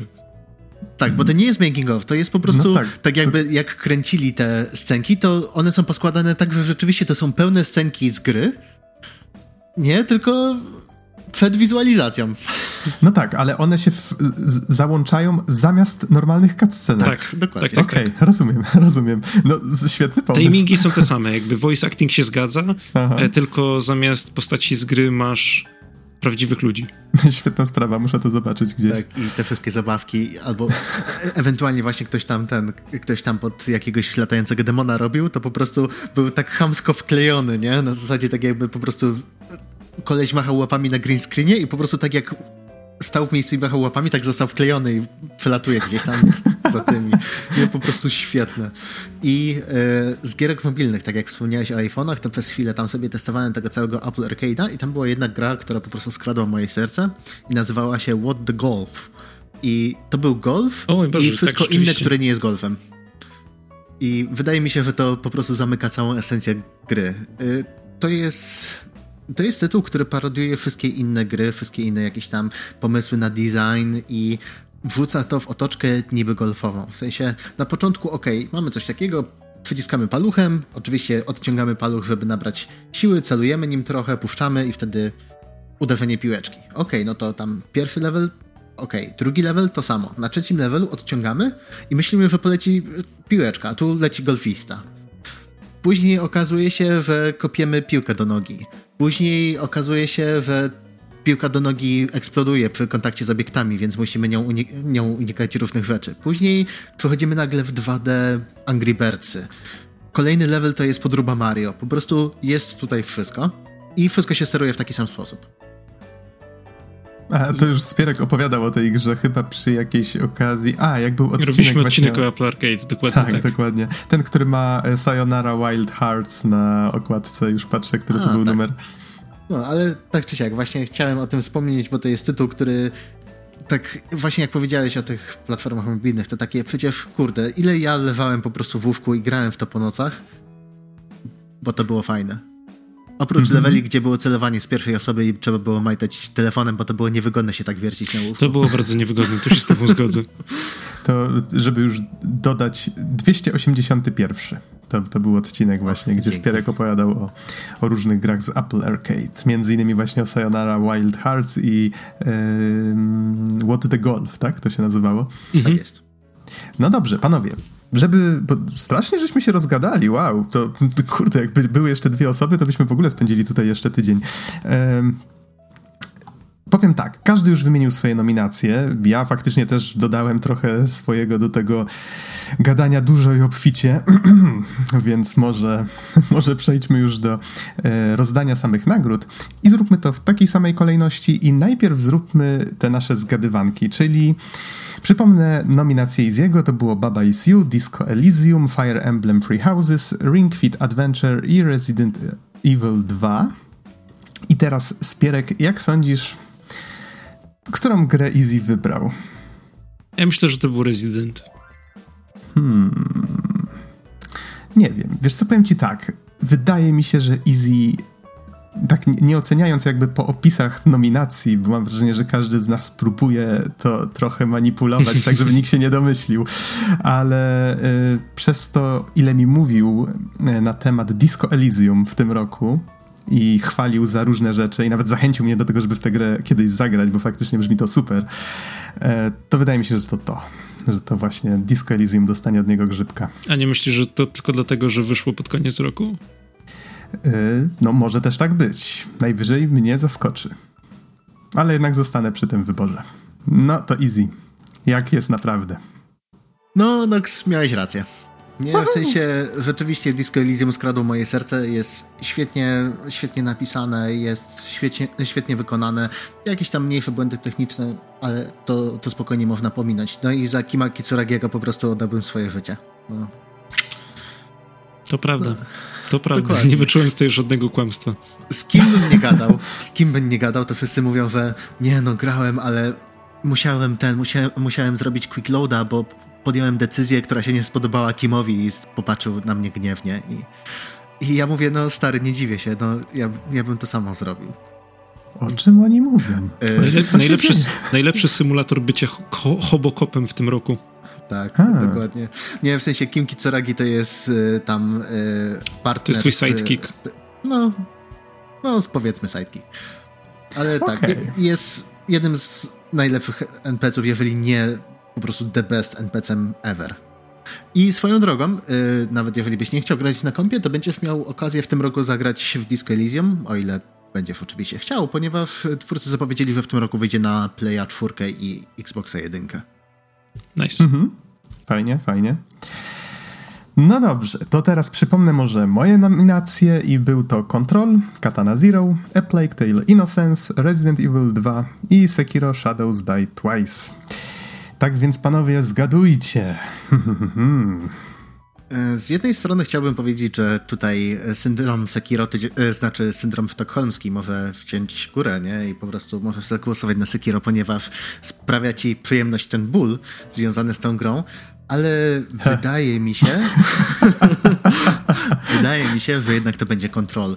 I nie, tak, tak sorry, że ci przerwę, nie byłaby to, tak sobie teraz pomyślałem, nie byłaby to pierwsza gra, której nie skończyłem, a którą bym wybrał na, yy, na grę roku swoją. Drakengard. Trzy. Tak, dokładnie tak. Tak, ale znaczy, technicznie go nie skończyłem. Musiałem zobaczyć zakończenie na YouTube technicznie z różnych jak. Ja go skończyłem, nie? Technicznie ty go skończyłeś, a ja przy tym byłem. O, tak. na tym zostańmy. No, ale wydaje mi się, że to jednak kontrol. Też w sumie z podobnych względów, nie? Bo całkiem, całkiem sporo gadaliśmy i tak, i tak jak mówiłeś, że jakoś nie mogłeś dokończyć tego kontrola i tak dalej, i tak dalej, a później, że rzeczywiście dobrze, że do tego jednak siadłeś, skończyłeś i wszystko było wszystko było cacy. Hmm, znaczy nie wszystko było cacy, chyba, ale było fajne. To chyba nie ze mną na ten temat musiałeś rozmawiać, bo ja kontrola to chyba tak w miarę w miarę na raz go zjadłem. Znaczy wiesz, na zasadzie nie, nie robiłem żadnych dłuższych przerw. Tak mi się mm, wydaje. To może jakoś zlepiłem tutaj rozmowę z tobą i z surferem w jedną rozmowę. Faktycznie surfer zrobił bardzo długą przerwę, tak. bo nasz wylot do Japonii akurat wypadł tak niefortunnie, że że nie miał kiedy go dokończyć. Albo inaczej, ja byłem w trakcie przechodzenia kontrola, jak mieliśmy lecieć, i surfer mówi, no to co, przed wylotem kończymy kontrola? A ja mówię, ale jesteś dalej ode mnie, ja nie chcę, żebyś mi spoilował. I potem surfer przeze mnie nie grał w kontrolę przez kilka miesięcy. Więc tak, sorka surfer, jeżeli tego słuchasz. To ja powiem Resident Evil 2. Monotematycznie, ale podziwiam za wytrwałość. Obstawiam na zwycięzcę, okej. Okay. No, trzeba przyznać, że Resident jest jedyną grą, która faktycznie została wymieniona przez wszystkich w nominacjach, więc widocznie sobie zasłużył. I werble. Tak więc grom roku moją zostaje. Kontrol! Moja gumowa kaczuszka właśnie mi podpowiedziała, że, że to już czas, żeby ogłosić zwycięzcę. Jak ktoś grał, to wie o co chodzi. E, to tutaj akurat wydaje mi się, że o kontrolu powiedziałem najmniej, ale chyba nie będę aż tak mocno wchodził w szczegóły, zwłaszcza, że całkiem niedawno żeśmy nagrali bardzo, bardzo dużo na ten temat. Powiem tylko tak. Wydaje mi się, że gdybym że, że, do kontrola bardzo chętnie bym wrócił. To po pierwsze. Po drugie, naprawdę bardzo mnie ten świat zainteresował i chociaż mogłoby się wydawać, że okej, okay, oni po prostu zmiksowali tak Harry'ego Pottera z, z Archiwum X i, i okej, okay, i to co wyszło, to wyszło, ale bardzo mi się podobają i jak to przedstawili, i jak wykorzystali w sumie...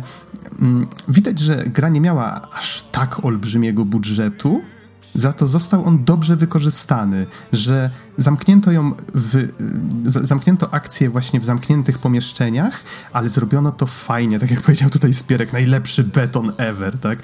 Wszystko wygląda bardzo nastrojowo, e, zostało fajnie wykonane.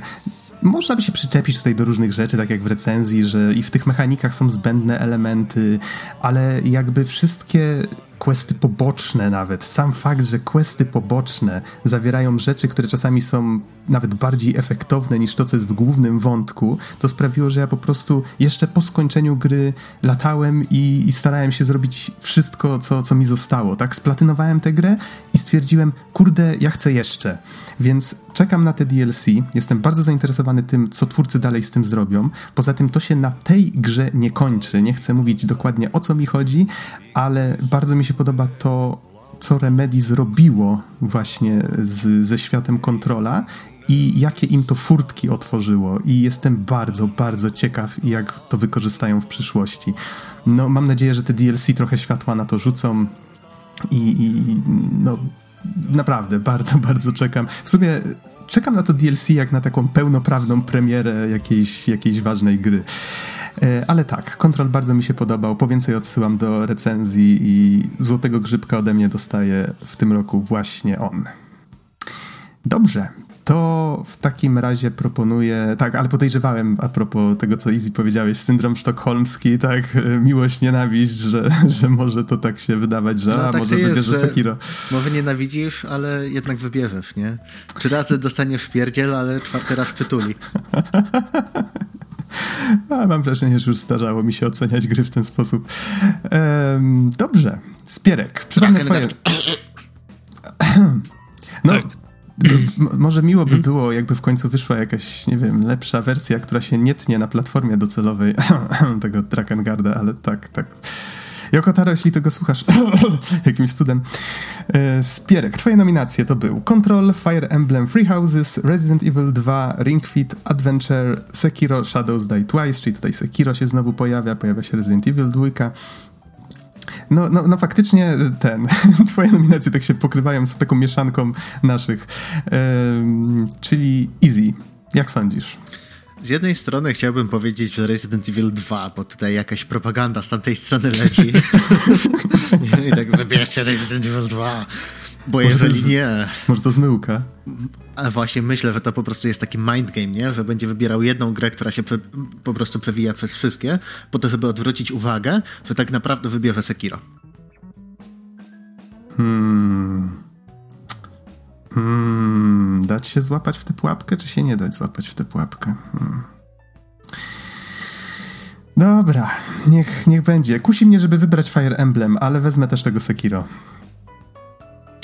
No, e, jak, znaczy powiem wam tak, absolutnie szczerze, jak przyszedłem tutaj nagrywać, to miałem wypisane te top 5, tak naprawdę top 6, ale potem Disco Elysium zostało stracone z tej listy e, gier i myślałem sobie, każda z tych gier może być moją grą roku. Może poza Ring Fitem, jakby, bo jest spoko, ale, ale jakby nie do końca ten sam poziom.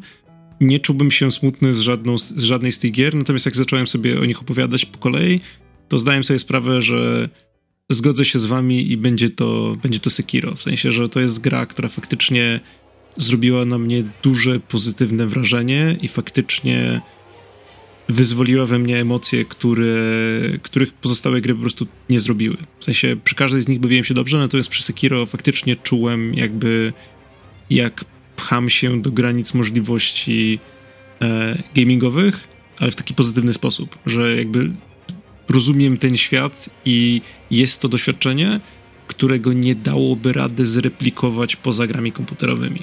Że jakby Control ma super fajny świat, ale de facto mógłbym na przykład też zobaczyć serial o Controlu.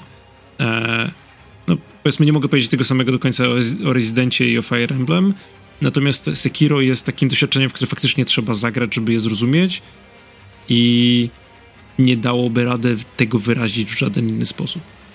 Mhm. Tutaj zgodzę się z tobą jeszcze, e, bo powiedziałeś, że to jest właściwie taka fantazja bycia ninją, tak? Czy, czy bycia właśnie nie ninją, tylko on był określany jako shinobi. Shinobi, tak. Tak, i, i faktycznie zgodzę się z tobą, że ta wizja, te, ten taki, to uczucie, kiedy to, co masz zrobić w tej grze, wychodzi ci perfekcyjnie, to jest właśnie to.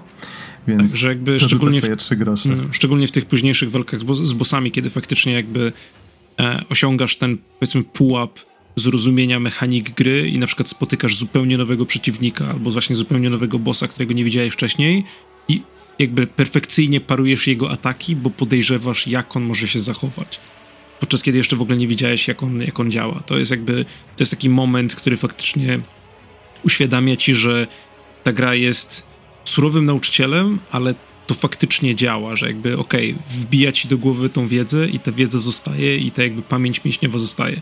Do tego stopnia, że nawet jak e, przed, przed rozpoczęciem nagrywania podcastu gadaliśmy o e, Gwiezdnych Wojnach, w sensie Star Wars Jedi Fallen Order, które wyszło pod koniec roku, e, to ta gra strasznie dużo inspiracji czerpie z Sekiro, ale na przykład zmienia schemat sterowania do tego stopnia, że obydwoje z Noxem mieliśmy ten problem, że jakby grając w Jedi Fallen Order cały czas próbowaliśmy wciskać przyciski z, Sek z Sekiro, żeby robić akcję z Sekiro, bo jest to tak bardzo po prostu wyryte w naszym mózgu. Tak, to jest tak, że grałem, przechodziłem prolog e, Jedi Fallen Order e, u znajomych i jak się pojawiła pierwsza walka na miecze, to się zdziwili, jak dobrze mi idzie, a ja po prostu się czułem, jakby ktoś mnie wrzucił w Sekiro. I tylko jedyny problem to właśnie było to, że e, przycisk do ataku mieczem i przycisk do używania mocy są zamienione, tak? I, i bez przerwy popełniałem ten jeden błąd, tak? To myślę, przyszłoby mi jeszcze lepiej. Aż tak zaskoczyło, tak jakbym pak, hej, ja znam tę grę, tak? Mhm. Idealnie. Tak, i właśnie jakby też to odczułem dosyć mocno samemu ostatnio, jak na Sylwestra odwiedził mnie mój młodszy brat, który posiedział z nami w Łodzi. Ja właśnie chciał zagrać w Sekiro, bo nie miał okazji wcześniej. E, I jakby oglądając, jak on przechodzi tą grę, zdałem sobie sprawę z tego, jak dużo pamiętam z tej gry. W sensie, jak dużo, jak dobrze zmapowałem sobie po prostu w głowie mapę tej gry jak wiedziałem jakby, okej, okay, ta rzecz jest tam, ta rzecz jest tam, ta ukryty przedmiot znajduje się w tym miejscu, trzeba zrobić to i to, żeby załatwić tą rzecz. E, do tego stopnia, że na przykład, powiedzmy, miał problem z jednym bossem e, i zaproponowałem, że okej, okay, dobra, ten boss jest akurat trochę, trochę do dupy, bo no, nie jest, nie jest jakiś tam. Znaczy, nie jest specjalnie ciekawy. Jest to moim zdaniem trochę najsłabszy boss w tej grze, e, ale zobaczę, czy jeszcze pamiętam, jak go przejść. I byłem w stanie go pokonać za pierwszym razem, jakby tylko pamiętając podstawy tej gry, po tym jak nie grałem w, ty, w tą grę od marca. I wydaje mi się, że to jest. E, no, jest to pewnego rodzaju osiągnięcie. Może przestańmy o niej rozmawiać, bo za chwilę się rozmyślę a potem w nią zagram, bo przypomnę, że jeszcze ostatniego bossa muszę pokonać i sobie przypomnę, dlaczego nie dostała tej nagrody.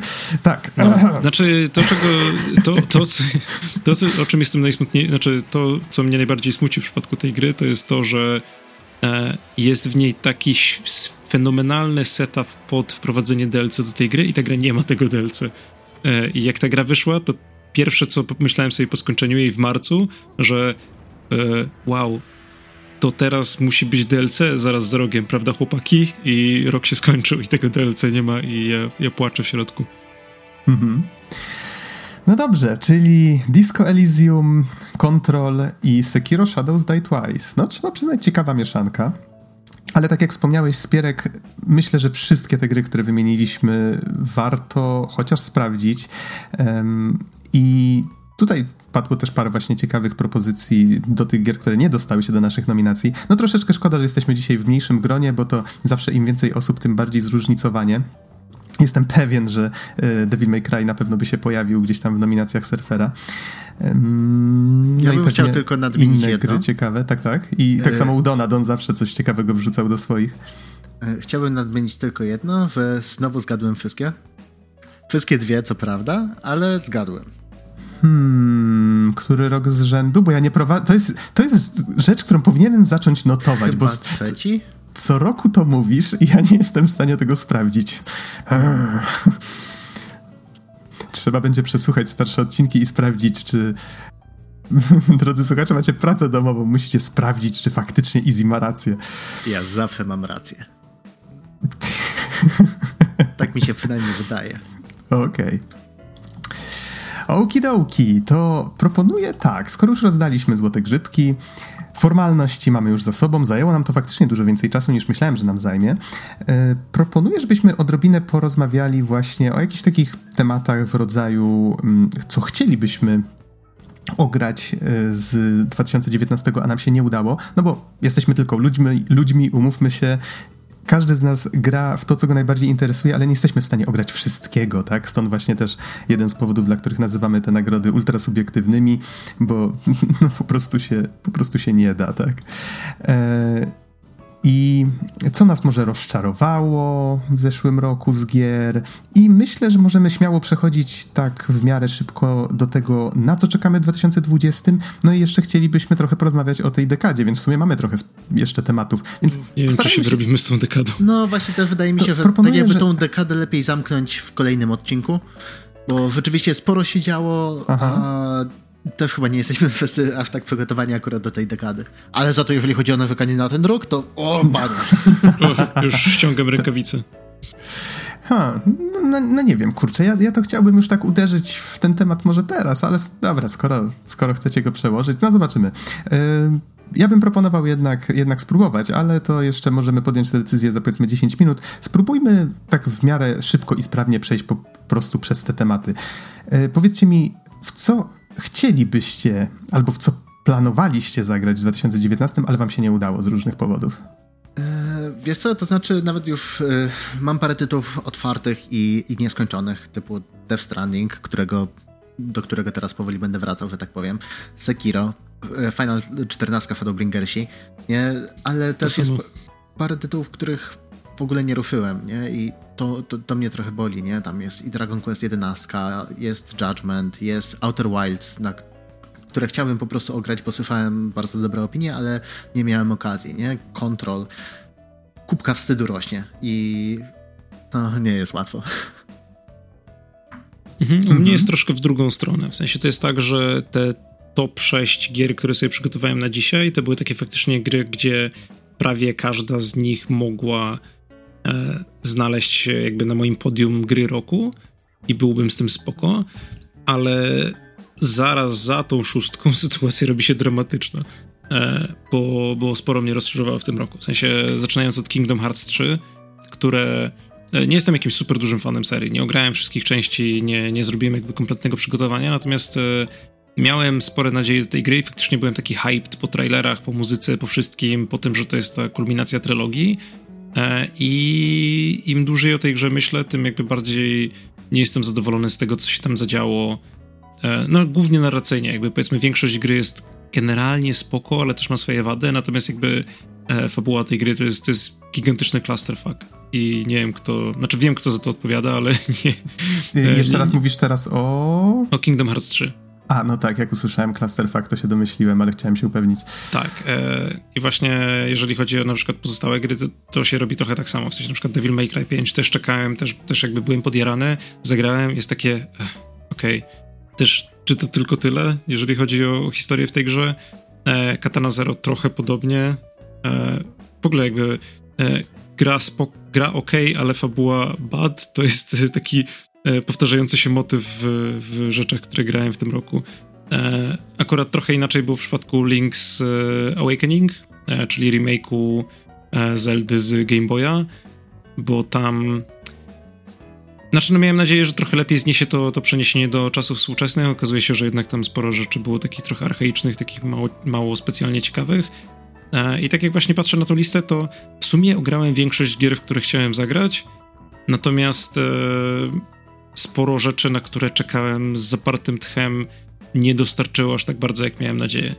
E, tak właśnie na przykład, nie, nie, pamiętam, czy to było przed tym, jak zaczęliśmy nagrywać, czy już później, ale ten wspomniany wcześniej Astral Chain E, to też jest taki przykład gry, gdzie jak ona się pierwszo pojawiła na radarze, to myślałem sobie, to nie może się nie udać, po czym zagrałem w nią i okazało się, że o, to może się nie udać. No, więc mm -hmm. no, to e, też, też nadzieja na przyszły tak. rok, lepiej napisane gry. No to przydałoby się. Ja, jeżeli chodzi y, w ogóle jeszcze o, o gry, którymi się zawiodłem, nie? To rzeczywiście Astral Chain trochę, w sensie mechanicznie, dawało mi mega uciechę mechanicznie, więc, więc dlatego, że tak powiem, nie skreślam tej gry. Ale y, jeżeli bym miał taką pojedynczą grę, która najbardziej mnie zawiodła, na którą zrobił mi się mały hype, to Demon Ex Machina na Switcha. Bo rzeczywiście to zapowiadało się bardzo fajnie, nie? W sensie wielkie mechy, taka lekko self-ade'owa grafika, plus do tego mm. jakieś rozkminy na temat tego, co czyni nas ludźmi i plus do tego tak. cała muzyka, nie? W sensie te trailery, te menusy. O, ale jak to te było testy, dobre. które robili, to jak słuchali graczy. Tak. A później co z tego wyszło, to tak naprawdę tak naprawdę przeciągnięty, przeciągnięta gra, która ma strasznie repetytywne misje i tak kliszowate postacie, że no. Y, I już na, Ale chyba nie było tak źle, chyba nie było tak źle jak w przypadku Left Alive. Tego tytułu nie wymawiamy na podcaście. A wiecie co? Zaskoczę was. W czarny piątek zrobiłem coś szalonego i kupiłem kolekcjonerkę tej gry. Widziałem i jest ładna. Czy to dlatego, że ma jakąś figurkę albo coś takiego? Tak, ma figurkę, dostałem za 60% taniej, więc całkiem niezły deal, e, bo z, oryginalna cena to jest chyba 700 zł. Jezus jest ogóle, to, jest, to jest w ogóle się w głowie nie mieści. Square Enix ma takie porypane ceny kolekcjonerek. No, ale to jest naprawdę. Jak zobaczyłem ją za taką cenę i stwierdziłem, okej, okay, zapytam jeszcze tam mm, osób na czacie, właśnie e, Front Mission, na którym jestem od jakiegoś czasu, czy ta figurka faktycznie jest warta zachodu.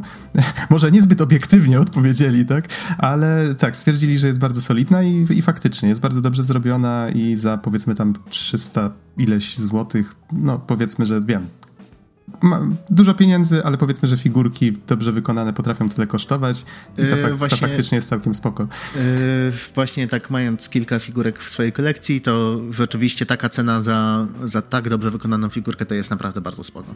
Tylko, że już nie pamiętam dokładnie ile zapłaciłem, ale tak jak mówię, to było chyba 60% taniej, plus oczywiście tam transport. Akurat te sklepy Square Enix mają strasznie drogi transport. A weź, to yy. mam znajomych w Kanadzie, którzy zamawiali -hmm. właśnie z ze sklepu właśnie Square Enixowego, a oni mają jakieś centrum, centrum dystrybucyjne w Kanadzie, z tego co pamiętam. Nie, to przecież motyw, że potrafiły przychodzić źle zapakowane, poobijane kolekcjonerki. Uuu, Właśnie kumpela no. zamawiała tam Niera automatę, która też była strasznie droga i miała słabą figurkę, nie? Aha. Ale jeszcze poobijane przyszło, nie? To masakra jakaś. Ale okay. jaka fajna gra w środku. No tak, to, to racja, dokładnie, dokładnie. Ale można było kupić samą grę i by było mniej rozczarowań. Mhm. Y, jeszcze... E, ten... To wiecie co, tak a propos tego Left Alive, to faktycznie tak, też chciałem wymienić je jako takie olbrzymie, w sumie jedyne największe rozczarowanie w, w tym roku, no bo spodziewałem się jako fan Front Mission, że okej, okay, no zmieniają formułę, robią z tego skradankę, bla bla bla, patrzę na gameplaye, czy tam na zwiastuny i widzę, że oni ukrywają to, że ta gra jest słaba i nie chcą za dużo z niej pokazać, ale miałem nadzieję, że okej, okay, może to będzie chociaż taki taki no niewypoliszowany, niewypolerowany diamencik, tak? No ale gram w tę grę, jestem gdzieś tam na początku trzeciego rozdziału, więc w sumie na początku niewiele dalej niż w przypadku pierwszych wrażeń, jakie na podcaście mogliście usłyszeć. No ciężko się w to gra. Tak wracam do tego czasu do czasu, chcąc to kiedyś skończyć, ale no, no jest ta gra taka toporna i w sumie zrobiona bez polotu. No szkoda, szkoda, bo ma bardzo fajny soundtrack. O, jak ktoś by chciał cokolwiek mieć z tą grą wspólnego, to soundtrack mogę polecić. Demon Ex Machina um, też miał fajny, też ma fajny soundtrack. Okej. Okay. A jeżeli chodzi o gry, w które chciałbym zagrać, a nie miałem okazji, nie zagrałem w ogóle w Life is Strange 2. A w grudniu wyszedł ostatni odcinek. Chyba przez cały rok wyszedł. Cały sezon wychodził przez rok, bo, bo pierwszy odcinek to jeszcze w 2018 się ukazał. Um, a ja w ogóle nie ruszyłem. Ja nawet pierwszy odcinek e, Before the Storm dopiero skończyłem, więc jeszcze muszę właśnie tę część pomiędzy jedynką a dwójką skończyć. Znaczy właściwie to jest prequel, tak? No ale już, dobra, nie wchodźmy w szczegóły. E, nie ruszyłem w ogóle Ace Combat 7, który wyszedł jakoś na początku roku. A też cały czas miałem go gdzieś tam z tyłu głowy, że o kurde, ten zwiastun, wiem, że ta fabuła będzie durna i kliszowa, ale ten zwiastun tak mi się podoba. To, to był chyba jeden z dwóch zwiastunów e, w tym roku, w zeszłym roku, który obejrzałem więcej niż, nie wiem, 20 razy. Strasznie, strasznie mnie wkręcił. A drugim był chyba zwiastun gry Cyber Shadow która dopiero ma wyjść. Taki Ninja Gaiden, e, Ninja Gaiden, może trochę Shadow of the Ninja z NESa, też właśnie w takiej oldschoolowej oprawie. Kurde, czekam na tę grę jak na zbawienie. Mam nadzieję, że się nie rozczaruję. To tak a propos już rzeczy, które, które chciałbym zobaczyć w 2020. E, I jeszcze jedna gra, którą żałuję, że nie ograłem, to gra, która się nazywa Hardcore Mecha, czy Mecha, nie jestem pewien, jak to się powinno wymawiać z mechami, jak sama nazwa e, sugeruje. I jest to gra, która jest platformówką 2D. Widać, że jest bardzo mocno inspirowana jakimiś Gundamami, czy właśnie takimi w sumie stereotypami związanymi z mechami z anime, ale wydaje mi się dość ciekawa. Trochę. Mam przeczucie, że może być to bardzo fajna gra akcji. Nie jestem pewien nawet, czy tam jest jakiś multiplayer, czy nie. Bardziej właśnie chciałem jakąś taką fajną kampanię singlową e, zobaczyć i Widziałem, że gra chyba zmierza na PS4 i to była chyba jedyna rzecz, która sprawiła, że nie kupiłem jej od razu. Teraz trochę żałuję, bo na Steamie wisi już od dawna i, i w sumie mogłem w nią po prostu pograć, tak? I to chyba tyle z takich rzeczy. A tak z rzeczy, które zacząłem, a nie skończyłem, no jest tu trochę, więc może nie będę ich e, wymieniał. Kingdom Hearts 3 jest chyba najważniejszą rzeczą na tej liście. E, bo musiałem przed zaczęciem tej gry skończyć wszystkie poprzednie, bo zacząłem to robić przed początkiem roku, więc stwierdziłem, no okej, okay, jak już zacząłem, to skończę. I czy było warto, to ciężko powiedzieć. Może powiedzmy, że niekoniecznie. Ale o dziwo, i Spierek, i Surfer tak wrzucaliście na tego Kingdoma trójkę, a ta gra mi się podoba. Autentycznie, ona ma fabułę, która jest po prostu z kosmosu, jest beznadziejna, ale granie w to mi się nawet podoba. Ty po prostu lubisz cierpieć i sprawiać sobie ból. Nieprawda. Kingdom Sekiro. Nie dostał nagrody? Nie dostał. No właśnie. No. no, ale jeżeli chodzi o Kingdoma trójkę, to gra mi się na razie bardzo przyjemnie. Zdecydowanie jest to miła odskocznia od niektórych innych starszych części, bo niektóre z nich były, no powiedzmy sobie, to, to ta, faktycznie Chain of Memories to była gra, która wymaga faktycznie takiego podejścia bardzo masochistycznego, żeby ją skończyć. O Boże. Ale Kingdom trójka i ładnie wygląda i zajebiście brzmi. No i tylko ta fabuła cierpi strasznie i mam nadzieję, że, że coś jednak nagramy na temat tej serii, żeby jednak całe to moje cierpienie nie poszło na marne. No, ale to w tym roku. Będzie jeszcze na to czas. A ty, Spierek, y, już mówiłeś, co chciałbyś jeszcze ograć? No właśnie u mnie, tak jak sobie myślę, to z tego roku w sumie zaliczyłem większość gier, które chciałem. Więc... Z 2019, nie tak? No. O. Znaczy Death Stranding od początku nie był na mojej liście, nie planowałem y, pakować się w tę inwestycję, jak tylko słyszałem, że gra trwa 60 godzin. Oj tak, pod koniec już czułem zmęczenie materiału, choć na początku no. bardzo mi się podobała. Może jak wyjdzie na PC, to się zastanowię jeszcze raz i odpalę sobie jakieś trainery na szybkie bieganie.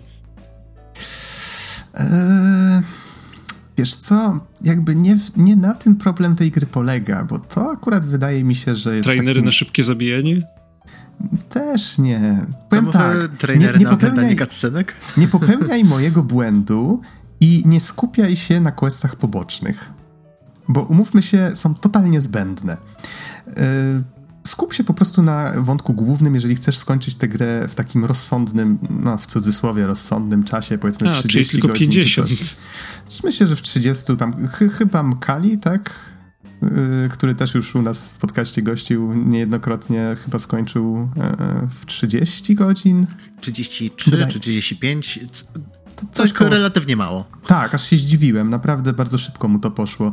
Y, ja z kolei siadałem i powiedzmy jednego wieczora sobie myślę, dobrze, teraz skupię się tylko na kwestii głównym. Cztery godziny później. Dlaczego to sobie robię? Bo akurat to, to jest Death Stranding o tyle fajne, że ta gra opiera cały swój gameplay lub na optymalizowaniu, szukaniu krótszych ścieżek, na myśleniu na zasadzie, ok, skoro jadę w tamtą stronę, to mogę wziąć jeszcze ten quest, ten quest i tamten quest. A potem to się zamienia w taki cały ciąg, który zaczyna wciągać i po kilku godzinach zdajesz sobie sprawę, że hej, miałem zrobić coś zupełnie innego, a w tym czasie zrobiłem masę, masę pierdółek, tak? No tak, no można, można grać w tę grę w ten sposób. No ale to może faktycznie zostawmy takie rozkminy na recenzję. Szczerze brzmi jak typowy open world. A, hmm, typowy czy nietypowy? Ta gra ma dużo problemów, ale ma też dużo rzeczy, które robi bardzo fajnie i nastrojowo, więc może to po prostu zależy od tego, czego oczekujesz. Ale zdecydowanie nie jest to gra dla ludzi, którzy mają czasu grać w gry. To absolutnie, tak? To wtedy faktycznie może lepiej obejrzeć po prostu cutscenki. To jest jedna z tych gier, które po prostu nie można z czystym sercem polecić, nie? Bo po prostu jest ale na tyle jest inna, jakiś, ale... Że... ale to jest jej plus, wydaje mi się. W sensie, kurde, brakuje gier AAA, które mogłyby właśnie tak bardziej polaryzować odbiorców. Bo, tak. bo to jest faktycznie za, duży, za, za duża inwestycja, żeby popełniać takie ryzyko, tak? A Kojima stworzył właściwie grę indie, tylko za olbrzymie pieniądze. Tak, to jestem mega pod wrażeniem, że Death Stranding w ogóle powstało jako taka wizja pojedynczego twórcy, nie? W sensie, że to jest tak jakby... Oczywiście za tym stoi całe grono ludzi, co nie? Nie można im odbierać tak jakby e, praw do, do tytułu, że tak powiem, nie? Ale jeżeli chodzi o samą taką wizję artystyczną, to wydaje mi się, że to jest tytuł rzeczywiście wyjątkowy pod tym względem, że to, że to Kojima, jego wizja i, i to ma właśnie swoje zalety i wady, nie? W sensie z jednej strony z jednej strony to Kojima, z drugiej strony to Kojima, nie? Wszyscy wiemy jak to jest. No, ale jestem pewien, że o tej grze jeszcze będziemy dużo rozmawiać na podcaście.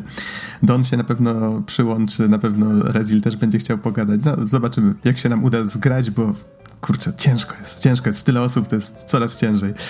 E, dobrze, to czy każdy już powiedział, co z 2019 tam wam wisi jeszcze w takim do zagrania na kupce wstydu? Jakieś rozczarowania ktoś chciałby jeszcze dodać? Yy, chyba jeszcze jedno rozczarowanie, chociaż to tak naprawdę nie do końca. W sensie Aha w sensie zgarnąłem Pokémony nowe, tylko i wyłącznie po to, żeby sprawdzić, jak bardzo się różni od tego, co było kiedyś, nie? Nie różni się wcale.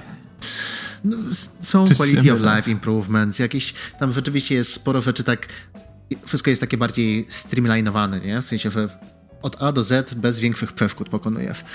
I to jest fajne, ale z drugiej strony to tak odpaliłem, pograłem parę godzin i stwierdziłem, Boże, przecież ja w to grałem 20 lat temu nie?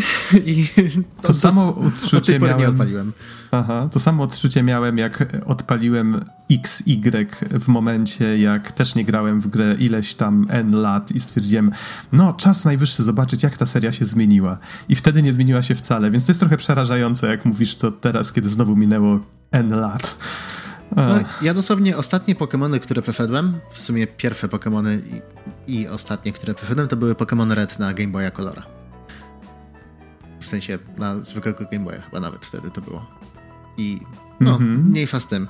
To było dużo, to było dawno, dawno temu. I no nie, stwierdziłem, że o spoko, poczekam kolejne 20 lat, może wtedy coś się zmieni. Wydaje mi się, że musieliby zaorać bardzo dużo rzeczy, ale z drugiej strony ja cały czas powtarzam, może niekoniecznie na podcaście, że wydaje mi się, że trochę źle podchodzimy do tego. Nintendo prawdopodobnie cały czas patrzy na to jak na serię tworzoną dla, no tutaj nie przemierzając powiedzmy osób w wieku 10 lat, dla osób bardzo młodych.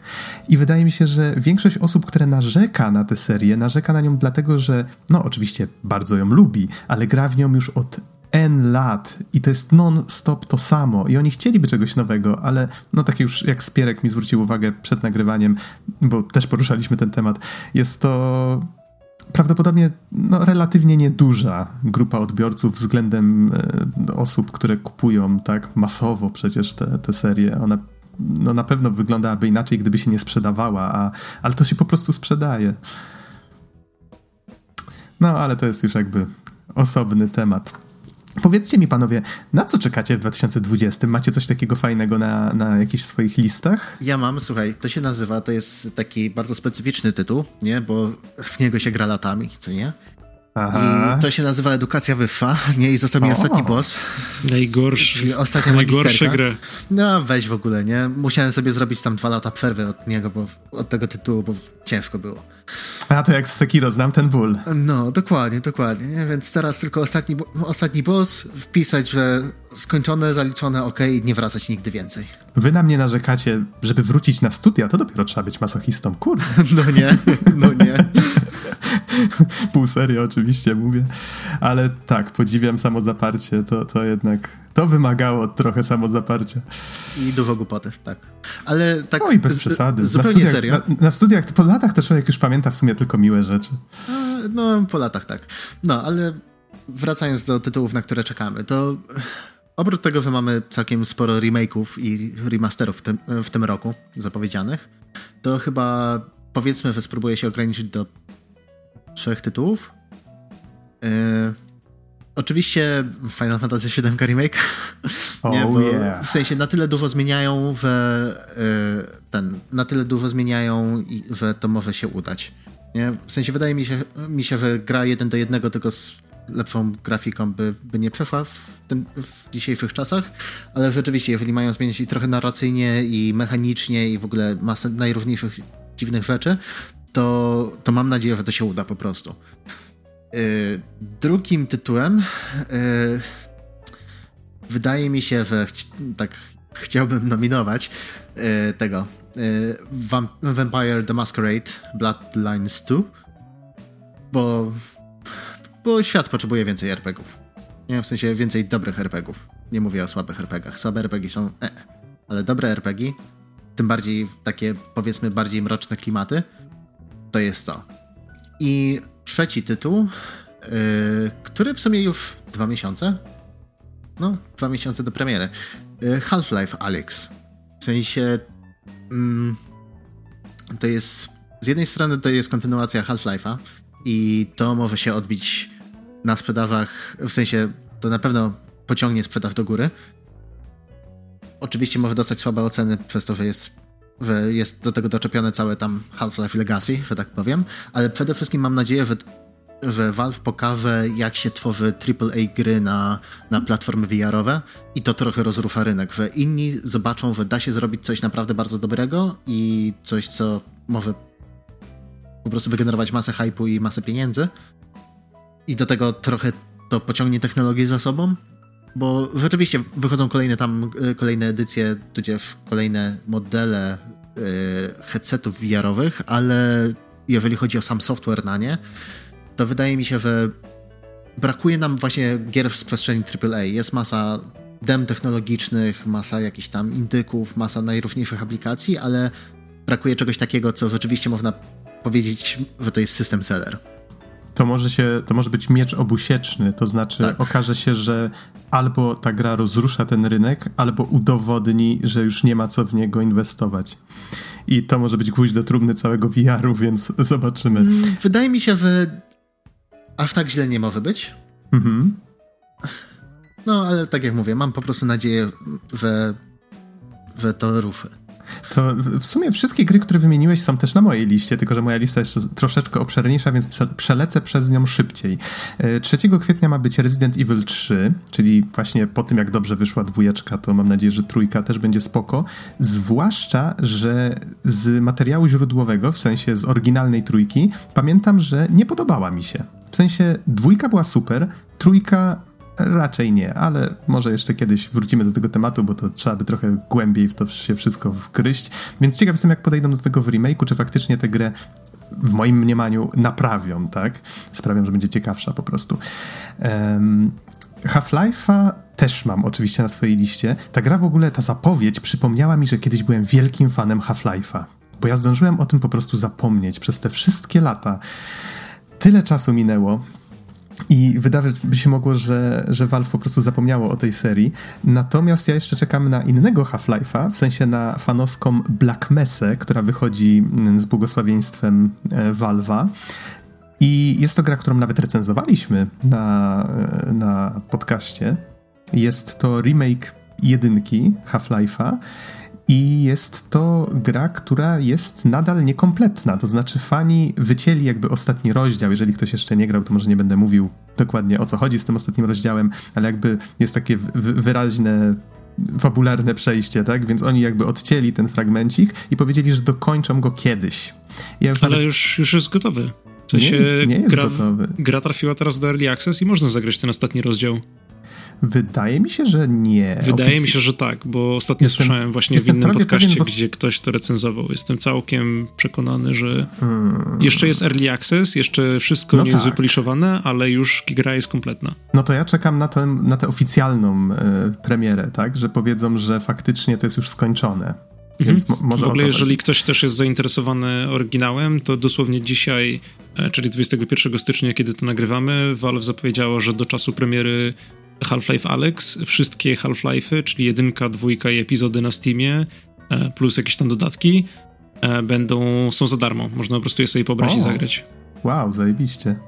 E, to jeszcze poprawię jedną rzecz, którą powiedział Easy. To nie jest kontynuacja Half-Life'a, w sensie Half-Life Alex, tylko to jest prequel do dwójki akcja dzieje się między jedynką a dwójką. Ale wydaje mi się, mam taką cichą nadzieję, że oni tam swoim starym zwyczajem wrzucą właśnie jakieś takie rzeczy, które sprawią, że albo, a, albo że pomyślimy o tym jako sequelu. Nie, nie wiem, ciężko mi jakoś ubrać w słowa to przeczucie, ale może faktycznie warto patrzeć na to jak na taki potencjalny sequel. Nie wiem, w tym uniwersum można robić różne dziwne rzeczy, więc ciekaw jestem, czym nas zaskoczą. No mam nadzieję, że to nie będzie taka po prostu e, gra zrobiona na, na przypale, tak? No nie, raczej, raczej tego by nie zrobili. Na pewno coś tam będzie dla fanów. Mam taką cichą nadzieję po prostu że coś we mnie obudzą, tak? Tego, tą starą miłość do serii. Co do tej Black Mesa, to właśnie szybko no, no. sprawdziłem. 24 y, grudnia wyszedł Xen. Jakby gra jest skończona. Znaczy, jest, można ją przejść od początku do końca. O, to, to, muszę się zainteresować. Przyrzekłbym, że sprawdzałem tydzień albo dwa temu i nadal nie było tego nigdzie wymienionego, ale dobra, to dzięki za informację. E, może na podcaście w takim razie wrócimy do Black Messy prędzej czy później. Dobra, lecąc bardzo szybko przez resztę listy Final Fantasy VII Remake pod koniec roku e, Surfer mnie zachęcił, żebym wrócił do siódemki oryginalnej. Powiem wam, że przeszedłem cały e, cały e, Midgar? Midgar w ciągu jednego wieczora, bo wersja na PS4 ma te wszystkie takie nowoczesne dodatki w rodzaju, że możesz przyspieszać walkę, przyspieszać czas bez przyspieszania muzyki. To jest super po prostu. Ja teraz sobie nie wyobrażam grania w te oldschoolowe RPG o, właśnie z tego, tego z tą muzyką nie wiedziałem. To brzmi akurat bardzo fajnie. Tak. Miałem siódemkę tylko świetne. na PlayStation Classic, ale trochę się obawiam się w nią wchodzić, bo też obawiam się, Aha. że to jest taki RPG na parę dziesiąt godzin. No jestem pewien, że e, urwałem godzinę albo może nawet dwie przechodząc Midgar właśnie z tymi wszystkimi rzeczami. Nie używałem ułatwiaczy, a możesz zrobić tak, że po prostu każdą walkę przechodzisz naciskając jeden przycisk i zadajesz 9-9 obrażeń. To tak jak ten, to już chyba Easy opowiadał w przypadku dziewiątki, że takie rzeczy też są. E, wiesz co, to w przypadku, tak jakby wszystkie te, te porty mają coś mhm. takiego i naprawdę polecam, w sensie przede wszystkim przyspieszenie. Ostatnio się e, ten, ostatnio jak kończyłem Finala 12 na Switchu, to rzeczywiście to się mega przydało, bo te stare RPG po prostu nie szanują czasu graczy i bez, według mnie nawet większość dzisiejszych JRPG-ów powinna mieć taką opcję. No ale... Mhm. To dorzucę tylko, no bo kurczę, miałem robić to szybko i oczywiście się rozgadałem, ale zmierzałem do tego, że ten Midgar, ta początek siódemki, który się dzieje w tym olbrzymim mieście, on nadal się trzyma tak dobrze i ja nie grałem w tę grę chyba od liceum. To był pierwszy final, w jakiego grałem i wróciłem do niego po latach. Naprawdę muszę stwierdzić, że on się trzyma świetnie. Akcja leci tam na złamanie karku, non stop coś się dzieje. Z tymi ułatwiaczami gra się w to jeszcze przyjemniej, bo się po prostu pozbywa jakichś bardzo żmudnych animacji czy czegoś takiego i Nadal mam obawy, że remake sprawi, że te 6 czy 5 godzin zostanie rozdmuchanych do, dajmy na to, 30 w górę. Pewnie tak będzie. Z drugiej strony jest tam tyle sytuacji, w których sobie myślisz, o kurde, ale w remake'u to będzie musiało wyglądać super mam nadzieję, że to dostarczą. Naprawdę. Nahypowałem się grając w zwykłą siódemkę, więc przeszedłem cały Midgar. Na razie przerwałem przechodzenie tej siódemki dalej, ale czekam na remake e, teraz też jak na zbawienie. I to 10 kwietnia ma być z tego, co widzę. Um, oczywiście na liście jest jeszcze Cyberpunk 2077, ale to już wiemy, że będzie 17 września, czyli później. E, jeszcze wynotowałem sobie Oddworld Soulstorm. Przy, przyznaję, że z serii Oddworld przeszedłem tylko jedną grę, a tutaj może będzie to jakiś tam. Może mnie to zachęci do tego, żeby wrócić, poprzechodzić też pozostałe. Zresztą to jest chyba też taka właśnie forma remake'u. E, jeszcze mam tutaj właśnie też Vampire the Masquerade Bloodlines 2. Może mnie to zachęci do tego, żeby w końcu skończyć jedynkę. E, remake kolejny gry, która się nazywa 13 to jest taka strzelanka FPP, tylko z mocnym cel shadingiem, dość stara. Chyba pierwsza gra, która tak mocno wykorzystywała ten efekt, z tego co pamiętam. Była całkiem spoko. E, do dzisiaj pamiętam e, tekst z jakiejś gazety, że e, nie słyszę, co do mnie strzelasz, bo nie wziąłem okularów. Tak, te onomatopeje wszystkie się wyświetlały w formie właśnie takich grafik. No, bardzo, bardzo to było ciekawe. Ciekaw jestem właśnie, jak to będzie wyglądać w, e, w nowoczesnej oprawie. E, jeszcze mam tu zanotowaną grę, która się nazywa Haven od The Game Bakers, czyli od twórców Fury. E, jest to gra o dwójce zakochanych, którzy próbują sobie ułożyć życie chyba na innej planecie, z tego tak, tak, tak to wygląda, ale gra wygląda bardzo ciekawie, sprawia wrażenie takiego trochę mm, jakby miała elementy JRPG, ale ale była też grom akcji, ciężko, ciężko powiedzieć. Trochę tak personą mi też, żeby nie powiedzieć zalatuje, pachnie mi tak trochę personą, tak? Z takimi elementami właśnie mm, socjalnymi. Więc to może być bardzo ciekawe. I zanotowałem sobie jeszcze grę, która się nazywa, się nazywa Sable, ale szczerze mówiąc, nie pamiętam, co to było. To jest taki open world, gdzie podróżujesz sobie na takim motorze, dużo pustyni i kreska inspirowana Mobiusem. A, faktycznie, też cel shading i, i właśnie taki bardzo, bardzo wyblakłe kolory. Tak, tak, faktycznie. No to, to mnie zaintrygowało wizualnie akurat. I to wszystko, co jest na mojej liście, żeby może już nie kraść więcej czasu, bo w sumie powinniśmy kończyć.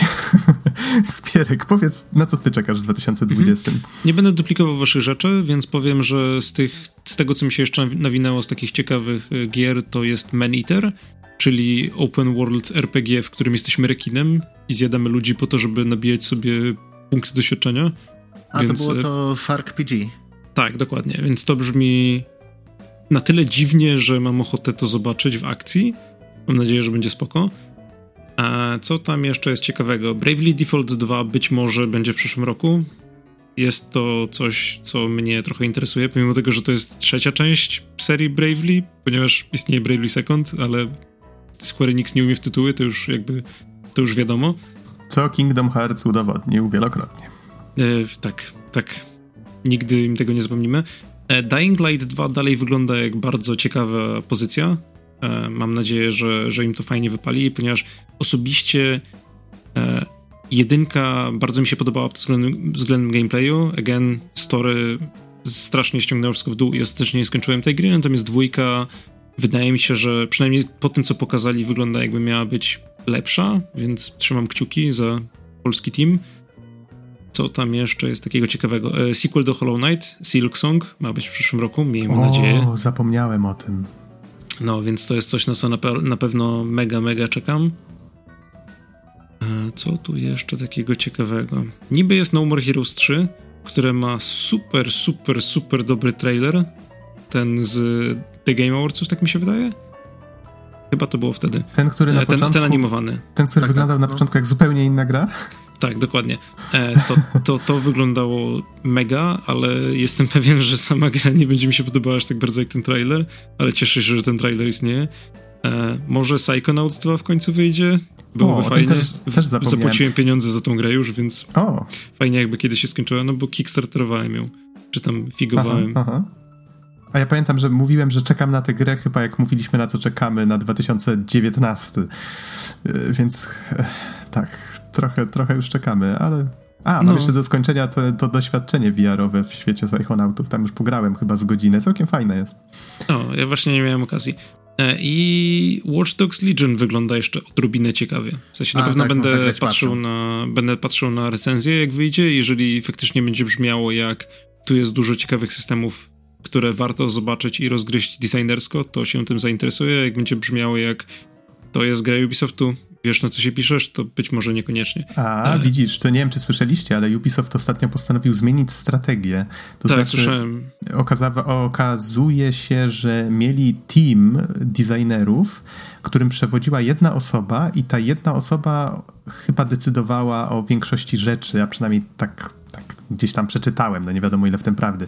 I po tym, i z tego wynikało właśnie to, że wiele tych gier miało podobne motywy, podobne tematy i tak dalej. I teraz trochę zmienili strukturę tego i ta osoba, co prawda, nadal tam będzie chyba decydować, ale to bardziej polega na tym, że jest kilka teamów, każdy z nich odpowiadał będzie za osobną serię i jakby wewnątrz będą podejmowane te najważniejsze decyzje co do każdego, każdej z nich. No zobaczymy. Pewnie też, znaczy to się zadziało niedawno, więc zanim tak. Odczujemy efekty tego, to też pewnie jeszcze chwilkę zajmie. Przy czym warto też zaznaczyć, że ponoć wszystkie gry Ubisoftu, które planowali na ten rok, zostały trochę przesunięte w czasie, więc nie wiadomo do końca, mhm. czy to kwestia um, dopracowywania szczegółów, czy może faktycznie jeszcze próbują coś na ostatnią chwilę zrobić, żeby te gry były trochę inne od siebie. Chyba to, co ich popchnęło do tego, to to, że. Yy, yy, Yy, jeju, jak ta seria się nazywała? No ich zeszłoroczne tytuły, czyli Ghost Recon Breakpoint Ghost... i coś jeszcze wyszło w zeszłym roku. To sobie yy, Division ogólnie... 2 nie poradziły yy, sobie aż tak dobrze. No właśnie to na, to na D chyba, dwójka, druga część. Yy... Division. Division, właśnie. tak, tak że, że stwierdzili, że za podobne te gry są do siebie i że to była to jedna znaczy, z rzeczy, które Wiesz co, to jest jedna z rzeczy, z, te, z tego co gadałem z jednym ziomeczkiem z Ubisoftu, nie, to właśnie mówił, że Team Ghost Reconowy przeszedł srogi downsizing, przez to, że się po prostu nie sprzedał i był słabą grą. I tak jakby teraz przerzucają całkiem sporo ludzi do nowego IP, które dopiero startuje. Nie? W sensie tam nie wiem, czy to nawet, czy to jest Oho. już preprodukcja. Możliwe, że to jest jeszcze, że tak powiem, etap mhm. wcześniej. Ale bądź co bądź, wszystko się tam dzieje chyba w paryskim studiu. No niemniej w Ubisoftie się dzieje, to jest olbrzymia tak. firma, ale, ale oni w sumie tak mają trochę taką żyłkę eksperymentatorską. Jak na firmę tej wielkości potrafią czasem zaszaleć, więc w sumie to trzymam za nich mm. kciuki, zobaczymy. No i przypomniałem sobie jeszcze tak na sam koniec, że jedna, że faktycznie skłamałem. Jakby jest jedna gra, której nie dałem rady przetestować w tym roku, a bardzo brzmi interesująco i bardzo chętnie się w nią wgryzę w przyszłości, jeżeli, jeżeli mi nie minie para. E, I jest to Outer Wilds. Nie Outer Worlds, tylko Outer Wilds. A słyszałem o tym faktycznie. Tak, to jest taka no to... gra, gdzie eksplorujemy system słoneczny e, i staramy się rozwikłać jego tajemnice, ponieważ co 22 minuty w systemie wybucha supernowa i wszystko umiera łącznie z nami i wtedy my się jakby resetujemy do początku. I musimy w tych 22-minutowych odstępach rozgryźć zagadkę tego wszechświata. No, i brzmi to bardzo, bardzo ciekawie. No mhm. właśnie też tak wspominałem o tym i yy, w sumie ograłem chyba jeden taki cykl i to było zdecydowanie za mało. W sensie rzeczywiście fajnie to wygląda jak cała ta taka mapa yy, w sumie i systemu i mapa takich myśli, nie? w sensie kolejnych poszlak powoli się buduje i, i, są między nimi połączenia i nagle zaczynasz kminić, a to tutaj, a to tam, a to dlaczego, nie? Tylko no, trzeba mieć na to czas. Mhm. Okej, okay, a propos czasu, panowie, wydaje mi się, że najwyższa pora kończyć. Faktycznie przyznam wam rację, że jednak o tej dekadzie to porozmawiamy po prostu innym razem. Ehm, Jakoś to, jakoś to zaplanujemy, ale faktycznie może nawet uda nam się to tak zorganizować, żeby może surfer z Donem się pojawili na tym odcinku yy, i może też właśnie nadrobili swoje grzybki. No zobaczymy, zobaczymy. Nic nie obiecujemy, bo już po prostu za dużo niewiadomych i, i ciągle nam się coś zmienia, ale cieszę się, że udało nam się nagrać mm, to podsumowanie i jako tako nawet to wyszło. Yy, czy chcemy coś dodać jeszcze na koniec? Ja jestem to, całkiem zadowolony. W sumie to może dodam tyle, że e, dziękuję naszym słuchaczom, że spędzili z nami kolejny rok. Jeżeli dopiero do nas dołączyliście, to zachęcamy do tego, żeby e, słuchać nas dalej. Dziękuję Wam, panowie, że e, w, przez cały 2019 jakoś znosiliście te ciągłe, ojej, to przesuwamy, o nie, coś tam nagrywamy, o tam, o tam, o tam i e, w sumie jest z tym ciągłe urwanie głowy. Spoko, ja byłem całkiem sporym źródłem tych, tego przesuwania, więc bije się tutaj w pierś oficjalnie tak, mea culpa, mea culpa, każdy, mea maxima culpa. Każdy ma coś na sumieniu, jeżeli o to chodzi, ze mną włącznie ale, ale mam nadzieję, że w tym roku będzie nam szło odrobinę sprawniej. Zmieniliśmy formułę, ta formuła nawet się sprawdza o tyle, że nawet jak coś nam nie idzie, to mamy jako taki backlog, który um, Mateusz który montuje nam odcinki. Pozdrawiam go przy okazji. Też dziękuję bardzo za to. E, on, on dba właśnie o to, żebyśmy zawsze byli odrobinę do przodu z tym wszystkim. E, Bizon nadal składa nam e, okładki, więc tutaj też wielkie podziękowania dla Bizona za jego aktywność. No i e, nieobecnych oczywiście też pozdrawiam, naszych redaktorów i wszystkich naszych gości tegorocznych również. Mam nadzieję, że się spotkamy w 2020 także. I tym pozytywnym akcentem wydaje mi się, że możemy już zakończyć. Tak więc dziękujemy Wam bardzo za uwagę i do usłyszenia w następnym odcinku. Trzymajcie się. Na razie. Hej, hej.